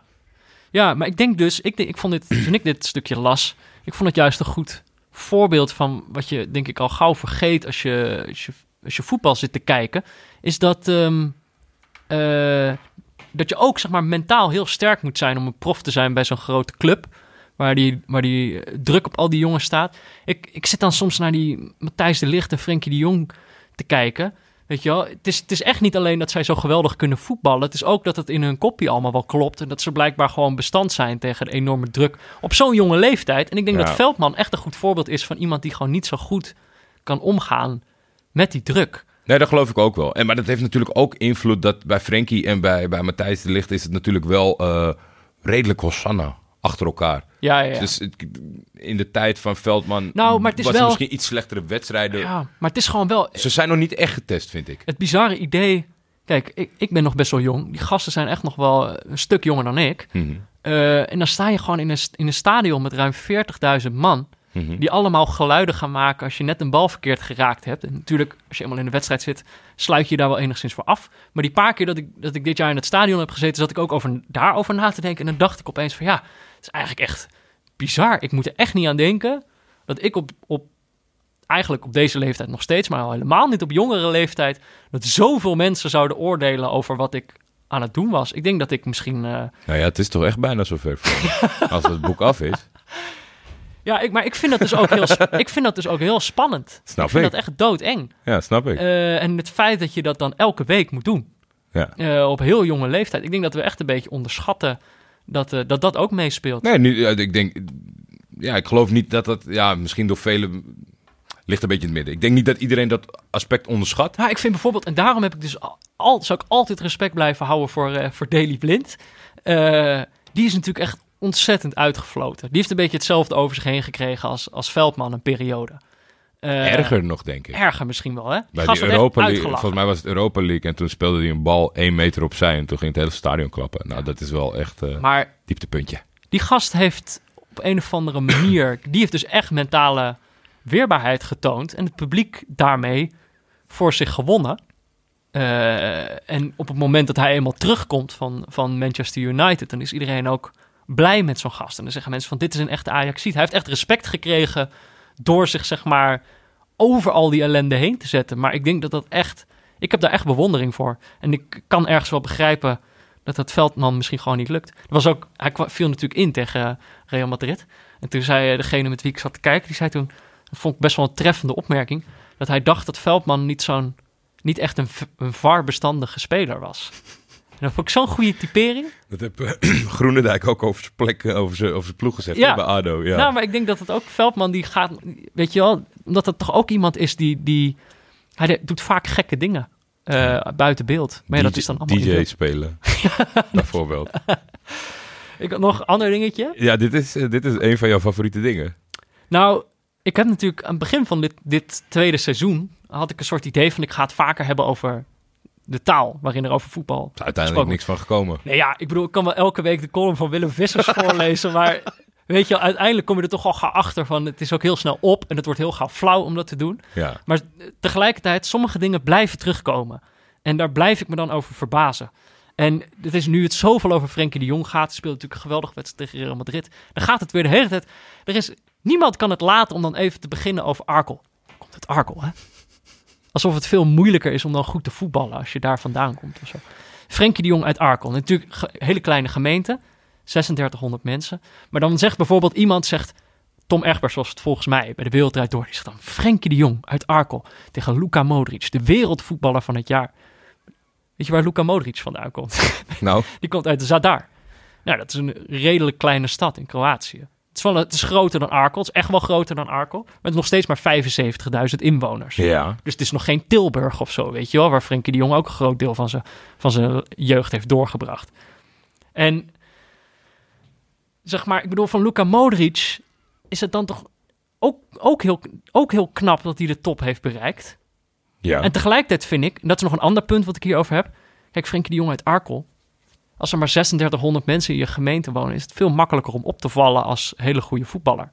Het is veel zo. moeilijker. Ook weer zo. Het is veel moeilijker als je bijvoorbeeld Neymar bent, uit Mogi das Cruzes. 433.000 inwoners. Gigantisch. En allemaal redelijk aanleggen om te voetballen. Precies, dus zie dan nog maar eens op te vallen. Dat is eigenlijk veel bijzonderder. En over hem zeggen we dat nooit. Eh, ik had nog verder wat dingen opgezocht. We hadden natuurlijk Björn Kuipers uit, uit Oldenzaal, Ja. 31.000. Danny Makkely, had ik ook even opgezocht. Danny Desmond Makkely komt dus uit Willemstad. Wist je dat? Oh, 140.000 inwoners. Dus ook knap. Dan moet je ook maar tussen, net tussen al die mensen zien dat dat een goede VAR is. Dus dat vind ik ook knap. Maar een ander ding, en dat vind ik dus ook... Kijk, ik vind iemand die uit een klein Nederlands eh, dorp komt... dat die opkruipt naar de top, vind ik minder bijzonder... dan iemand die uit een eh, uit de Sloppenwijk opklimt naar de top of zo. Eh, dan is, weet je wel, dan, zijn, dan, dan ziet je leven er veel anders uit. Dan kan je niet lekker zorgeloos voetballen bij SV Arkel, of waar die dan ook heeft gespeeld. Dus ik vind bijvoorbeeld zo Mbappé, die komt uit een, eh, uit een buitenwijk van Parijs, Bondy, 53.000 inwoners, heb ik even gecheckt. Dat is een flinke buitenwijk. Maar dan denk ik, dat is een veel interessantere tocht of zo. En, en, en toch associeer je Mbappé veel eerder met groot geld, omdat hij bij PSG voetbalt of zo. Ja, ik, ik, ik, omdat ik- ik- gigantische transfer heeft Ik heb sowieso, volgens mij heb ik het vorige keer eh, dat, eh, dat we het hadden over dat mensen die dit gebruiken, dat je meteen weet waar ze op doelen van, kijk eens hoe knap het is omdat het zo'n klein plaatsje is. Ja, Maar ik vind het eigenlijk, je, je moet het alleen gebruiken als je ook gaat uitleggen waarom het speciaal is. ja. Dus ik, ik wil best wel ho- horen dat, dat, dat Arkel klein is. En dat er nog nooit iemand twee keer een bal heeft hoog gehouden. en dat het eigenlijk, ja, eh, een wonder is dat, dat hij daar vandaan Ja. is opgegroeid. Omdat op, op weet ik veel, dat, de, Het alle, zal pas echt zijn, weet je wel, deze gast, dat er nog geen bal was. deze voetballer komt uit een inheemse stam. Die, tot, die, gewoon, die was niet eens bekend. Gewoon ergens uit een regenwoud. In die stam hadden ze niet eens voetbal. Zelfs spel was niet, bevond zich niet in die samenleving. Die gast speelt nu, Ja, maar is nu profvoetballer. Dat zou bijzonder zijn. als je het toelicht, Ja. wil ik het best horen. Maar als het alleen maar gaat om, om, om ja... Maar ik hoorde de, de grappigste, en dat zegt ook een beetje over wat het is. Er werd over een jongen van Excelsior, wat- die werd de Frenkie de Jong van Kralingen genoemd. Maar dacht ik, oh eens even. Zo werkt het dan ook weer niet, weet je wel. Frenkie de Jong is dat al. Frenkie de Jong heeft dat al in zich. Zeg. Kralingen is niet kleiner dan... Nee, sterker nog, Kralingen is 53.000 inwoners. Dat is groter dan Oldenzaal. en het is ongeveer even groot als Bondy, waar Mbappé vandaan komt. Maar dan denk ik, je kunt niet de Frenkie de Jong van Kralingen zijn. Want Frenkie de Jong is altijd de Frenkie de Jong van Arkel. Precies. Dus je kunt, precies. Dus je bent dan eerder misschien, weet ik veel, de Cristiano Ronaldo Het moet van Kralingen zijn. of zo. Ja, Ja. of inderdaad echt een, een larger-than-life figuur. Dus dit, die vond ik, eh, die werd afgekeurd van mij. Nou ja, Terecht. daar heb ik, toch, heb ik me er toch nog een keertje over opgewonden. Vreemde gewaarwording gisteren, want we hadden het over derbies en dat het eh, een beetje heet gebakerd kan zijn. Nou, eh, dat eh, was ook bij de Second City Derby. Ja, zo heet die derby, had ik Ja. opgezocht. Aston Villa tegen Birmingham. Twee, twee gevallen giganten, of Maar in ieder geval Villa. En- Ja, maar dit, is, dit zijn dan dingen die je dan vaak via Twitter meekrijgt. Ik in ieder geval. Mhm. dan verschijnt er opeens een filmpje van kijk wat deze idioot doet. Dus op een gegeven moment komt er een fan eh, het veld op en die slaat Jack Grealish eh, op zijn hoofd. Flink ook. Ja, hij rent van achter, dus hij, Jack Normaal Grealish zijn het altijd van die, van die klunzige dingen dat iemand uitglijdt of, of net mislaat of dat je het aan ziet komen. Maar dit was echt een volle map Nee. van achteren, zo'n sucker punch. Dat is sowieso al vrij afgrijzelijk als dat in je zit. Maar wat bezielt je? In Engeland hebben ze volgens mij... eh, hebben ze de allerergste periode achter zich. En, en gaat het over het algemeen goed. Maar dit was... wat volgens mij kreeg ook Smalling een gooi dit weekend. Ja, en- bij, eh, ja, er kwam ook iemand eh, het Maar- veld op gerend. Even de conclusie, want eh, ik moet zeggen, snelrechten doen ze in Engeland goed. Vlak voor de uitzending was bekend wat de straf is geworden voor die idioot. En daar denk ik wel van, dat is niet het goede signaal, mensen. 14 weken gevangenis, dan kan je denken, nou ja, oké, eh, Ja. 100 pond aan Grealish moet hij betalen als boete voor het slaan. 100 pond Nou aan een voetballer die, die tonnen verdient, maar oké. 10 jaar een allround ban, dus dan mag je nergens komen. Oh ja. En daarna wel een levenslange ban van zijn eigen vereniging. Er was nog, ik heb eh, vanochtend nog die aflevering van Match of the Day zitten terugkijken, Mhm. waarin Alan Shearer echt pleitte voor de, de hoogst mogelijke straf. Hij zegt Birmingham, eh, punten in mindering. Want je moet, zeg maar, ergens laten zien dat het hier ophoudt. En zij, Ja. dat, daar had ik echt nog niet over nagedacht. Ik zag dit, als je zo'n filmpje op Twitter voorbij ziet komen, dan lach je daar een beetje om of zo. Toch, dan denk je al van, ah, is een beetje gek. Er was ook nog een moment dat een steward van Birmingham, heb je dat gezien? Want Grealish scoort op een gegeven moment. Ja. Er staan die spelers te juichen aan de zijkant. En dan zijn er beelden op een gegeven moment waarin je ziet dat de steward, die doet, een steward van Birmingham, Die stuurt Grealish weg. die, die doet uh, Grealish. En daarna wordt die steward wordt gearresteerd door twee agenten en weggetrokken. Maar dat zijn allemaal dan grappige fragmenten. Maar in dat fragment bij Match of the Day werd me opeens duidelijk van zij maken zich echt ernstige zorgen. Want zij hebben het idee van ja, nu is het iemand die iemand op zijn achterhoofd stompt. Dat dat ook al veel fouter af kunnen lopen. Maar weet je wel, wanneer is de eerste keer dat iemand net een stapje verder gaat en iets in zijn handen heeft? Uh, hij zegt ja, het geweld dat hier op straat plaatsvindt of als supporters tegen elkaar vechten. Ja, je moet, weet je wel, Ja, natuurlijk. opeen, straks komt er opeens een gek eh, eh, het veld op. En zij hadden daarom echt het punt van dit moet veel zwaarder gestraft Ja, worden. kijk, ik ben, ik ben helemaal eh, voor dat men wat soepeler is op het moment dat het vrij duidelijk is dat er een kind het veld oprent omdat hij een sjaal of, of een Ja. selfie wil nemen of wat dan ook. En over het algemeen snap ik daar stewards gewoon niet zo goed in. Dat, dat Cristiano Ronaldo of Ja, maar Messi... anders gaat iedereen het veld op. Ik vind je moet wel straffen, want anders rent iedereen achter maar, Messi zeg maar, je, je hebt je vak. Je Ja. moet ervoor zorgen dat mensen in hun vak blijven. Ja. Er zijn heel veel vakken. Ja. En dat lukt je over het algemeen wel. Maar dan is een keer iemand je te snel af. En een speler geeft altijd vrij snel aan van ja of nee. Hier heb ik zin in, hier heb ik niet zin in. Doet een speler, ik heb hier geen zin in, haal deze man weg. Dan kan je dat doen. Ja. Op het moment dat je ziet dat de speler bereid toe is om even een momentje te gunnen met die, met die speler. Het is ook vaak een groot evenement of, of een evenement waar, waar ze niet thuis spelen, zeg maar, zo'n situatie.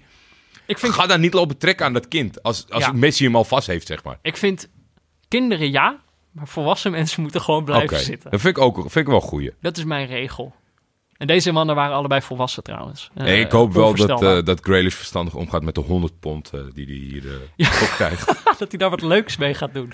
Ik vond wel, hij maakt wel de winnende in die wedstrijd. En dan is het toch weer een, een schitterend verhaal. Ja. Hij, hij ging ook niet terugvechten tegen die supporter of zo. Dus hij was wel weer een voorbeeld voor een, een, een Ja. topsporter. Ja, ja.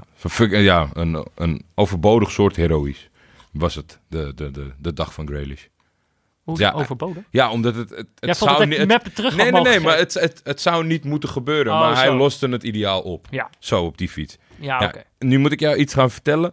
Wat heel moeilijk, denk ik, wordt in een podcast. Maar ik zal het eh, naast eh, de, de Can Canarinho Pistola eh, ook posten.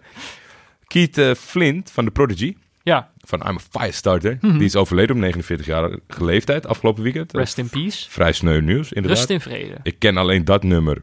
Moet ik zeggen dat eh, als, als ik in de stemming was, dat ik dat eh, prima een echte Firestarter vond. Mhm. Maar er was een eh, ode van een Southampton supporter. En dat was legendarisch. Hij had ook volgens mij zijn kapsel een beetje aangepast Ja? op Kiet. Ja, want hij had die, van die duivelspuntjes een Ah, beetje ja. aan de zijkant, bovenkant kaal. En ze draaiden dat in het stadion en die ging gewoon een, een minuut lang helemaal los. Zoals zo genieten. Kiet dat deed in de, in, de, in de originele clip. Dat was echt genieten. Daar ben ik Ja, dan wel heel vrolijk helemaal van. in zijn zone. Kijk, ik vind... Misschien moet je supporters ook positief belonen. Absoluut. Dat dan de speler hem 100 pond moet geven. Southampton drie punten cadeau krijgen. Ja, nou ja, het is gespeeld. Heb die gast zien dansen? Het is klaar. hilarisch. Ja, top. Hey, jij had nog een eh, suggestie voor een andere rubriek. Verder nog wat stoms. Verder nog wat stoms. Is er verder nog wat stoms? Nou ja, er was een... eh, Overmars en, eh, en, en eh, Van der Sar, het is een beetje druk. Die worden bedreigd. Ja, precies. Een heel gek verhaal. Door een zakenwaarnemer van een speler die, die, die bij Ajax is vertrokken. Meester Wit. Eh, oh, van hem. Ja, en, en die schijnt ze lastig te Klonk heel onfris. AT5 had een paar van die quotejes eh, gezet. Zo van, ja, ik heb al vier jaar vastgezeten. En eh, schijnbaar was hij ook gezien in de buurt van het huis van Mark Overmars en zo. Echt waar? Oh, Ja. dat, dat had ik nog niet eens meegekregen. Want ik dacht in eerste instantie van... Wow, is het niet een beetje te zwaar aangezet? Want er stond via mail, via app. Dat ik denk van ja... Vervelend, zo iemand als die een nummer hebt. Maar hoe erg kan het zijn? Maar ja. Ja. ik heb de inhoud niet gezien als jij dat nu zegt. Ja, zaakwaarnemer. Het is geen eh, beschermde titel meer. Hè? Dus iedereen, Nee. iedereen, elke idioot mag het worden. Ja. Eh, en ik denk dat het inderdaad niet heel chauffele types Nee, zijn maar het is misschien nu ook wel gewoon een, een signaal voor alle, voor alle zakenwaarnemers. Dat over het algemeen, als je zegt... eh, als je dit soort tonen aanslaat, dat clubs niet je Ik spelers als- gaan kopen. Ik zou, als ik zou als speler inderdaad ook denken, ja... Is dit nou de man die mij moet vertegenwoordigen? Nou, ik, ik, ik, ik heb zo'n vermoeden dat zijn stal nu wel leeg zal lopen. Maar dat weet ik nog niet. Heel vreemd verhaal vond ik het. Ja. En eh, stom nieuws. Stom nieuws. Ben ik het helemaal mee eens. Stom! Eh, wedstrijd van volgende week. Komt weer een tweetje, polletje. Misschien. Het is de afgelopen keer een paar keer bij, bij ingeschoten. Ja, klopt. Eh, maar dat kwam ook omdat we gewoon gedurende de week goed getipt zijn. dat is waar. Dus, ehm, nou ja, dit was een slechte tip, want dit kwam ook van een tip. Ik, weet niet, ik weet niet op wie ik boos ben, maar we kunnen wat eh, kunt tips insturen naar neutralekijkers.gmail.com of eh, naar Jordi of mij op Twitter. Ja. En dan, eh, als je zegt deze wedstrijd moet je kijken komend weekend, dan, dan gaan we dat misschien wel doen. En misschien worden we dan wel boos op je. Of we vergeten gewoon wie je bent. En dan worden we boos op niemand in het bijzonder. Dat kan natuurlijk ook. hey, ehm, kunnen we afsluiten? Was het weer, Jordi? Want fijn hoor weer te zijn. We hadden genoeg om te bespreken. Geen Ja. idee hoe lang we bezig zijn geweest. Anders zal we weer, wel weer woedend zijn op ons. ik, eh, ik moet even kijken. Want er- er- ik kreeg een opzetje via de DM of eh, wij op zoek waren naar meer Zeeuwse voetnootjes. Oh, is er een Zeeuws voetnootje? Nee, deze week niet. Maar als we zouden willen, dan kunnen Zeeuws- het Zeeuwse voetnootje af en toe kunnen laten terugkeren. Ja, dus het Zeeuws voetnootje, dat is speciaal voor een... Ja, hebben misschien toch niet zoveel mensen tot het einde geluisterd. is dat eh we hadden een keer een... als je een leuk verhaal hebt over Zeeland, mag alles zijn. Dan kunnen we dat na de aftiteling voorlezen. Mocht je dat hebben. In ieder geval, voor nu was dit Neutrale Kijkers. In samenwerking met eh, onze vrienden van Dag en Nacht Media. Veel dank aan VI Pro, hè? Onze, onze nieuwe sponsor. We zijn erg blij met ze. Dankjewel, Pieter. Zeker. Eh, verder ook bedankt. eh, nou ja, dat kan ik deze keer wel doen. Normaal bedank ik natuurlijk Pieter Zwart voor zijn diep, diepteanalyse van de werkvloer. Maar deze week voor je verrassing. Precies, dankjewel Pieter voor de leuke verrassing. Eh, aan Barry Pirovano natuurlijk voor de schitterende illustratie. Eh Laurens Collet voor de gegenpressing jingle. Die we dan deze keer denk ik ook niet eromheen zetten. Of zullen we die dan wel doen om Pieter heen? Anders doen we die gewoon, start je die nu in. Maar nu speelt er meestal al een ander muziekje. Ze speelt het Zover allemaal door kom ik nooit. Nou ja, in ieder geval ook Studio Cloak en Leon Lischner en Friends bedankt voor de muziek. Eh, ook bedankt aan de makers van de voetbalquiz. We hebben vaak negatief over jullie gepraat, maar meestal zitten we er zelf dan naast. Dus eh, hey, die kun je in je zak steken. En natuurlijk eh, bedankt aan alle luisteraars. Leuk dat jullie zo ver gekomen zijn. Stuur wat in. Neutrale kijkers. Altijd. Stuur wat naar mij of Jordi. altijd leuk. Of Jordi op Twitter. Jullie weten ons over het algemeen heel goed te vinden. Je kunt ook een recensie achterlaten in de podcast app. Ja. Ik heb er deze keer geen eentje uitgezocht, maar we hebben er al eentje voorgelezen aan het begin van de aflevering. Ehm, volgende week zijn we er weer. Tot dan. Tot dan, Jordi. Ik krijg net het laatste nieuws binnen van Bowie. Oh. Dat, eh, oh ja, dat is wel waar. Dat heb ik gezien. Oh, dat had ik eigenlijk moeten noteren. Maar dat is wel heel sneu. We hebben het, ik ben, eh, ik, volgens mij had ik een voorspelling gedaan over Troepé. Ja, Maar hij zit er dicht tegenaan, want dat was opgeroepen voor Jong Oranje. echt? Nou ja, dat is natuurlijk eh, de springplank naar het grote Oranje. Maar hij is geblesseerd geraakt. Oh, Tranen nee. met tuiten langs het veld. Ja. Ik heb, eh, ik heb er eh, flauw Ernstig over gedaan, maar als, hij heeft natuurlijk keihard gewerkt om dit te bewerkstelligen. En ik wens hem beterschap. Ik denk, Ik heb volgens mij toen bij die voorspelling gezegd dat ik in hem geloofde. ja, En dat ik het waardeerde, die ambitie. maar jij ziet dat ook gewoon beter. Giovanni, hou vol. You can do it, man.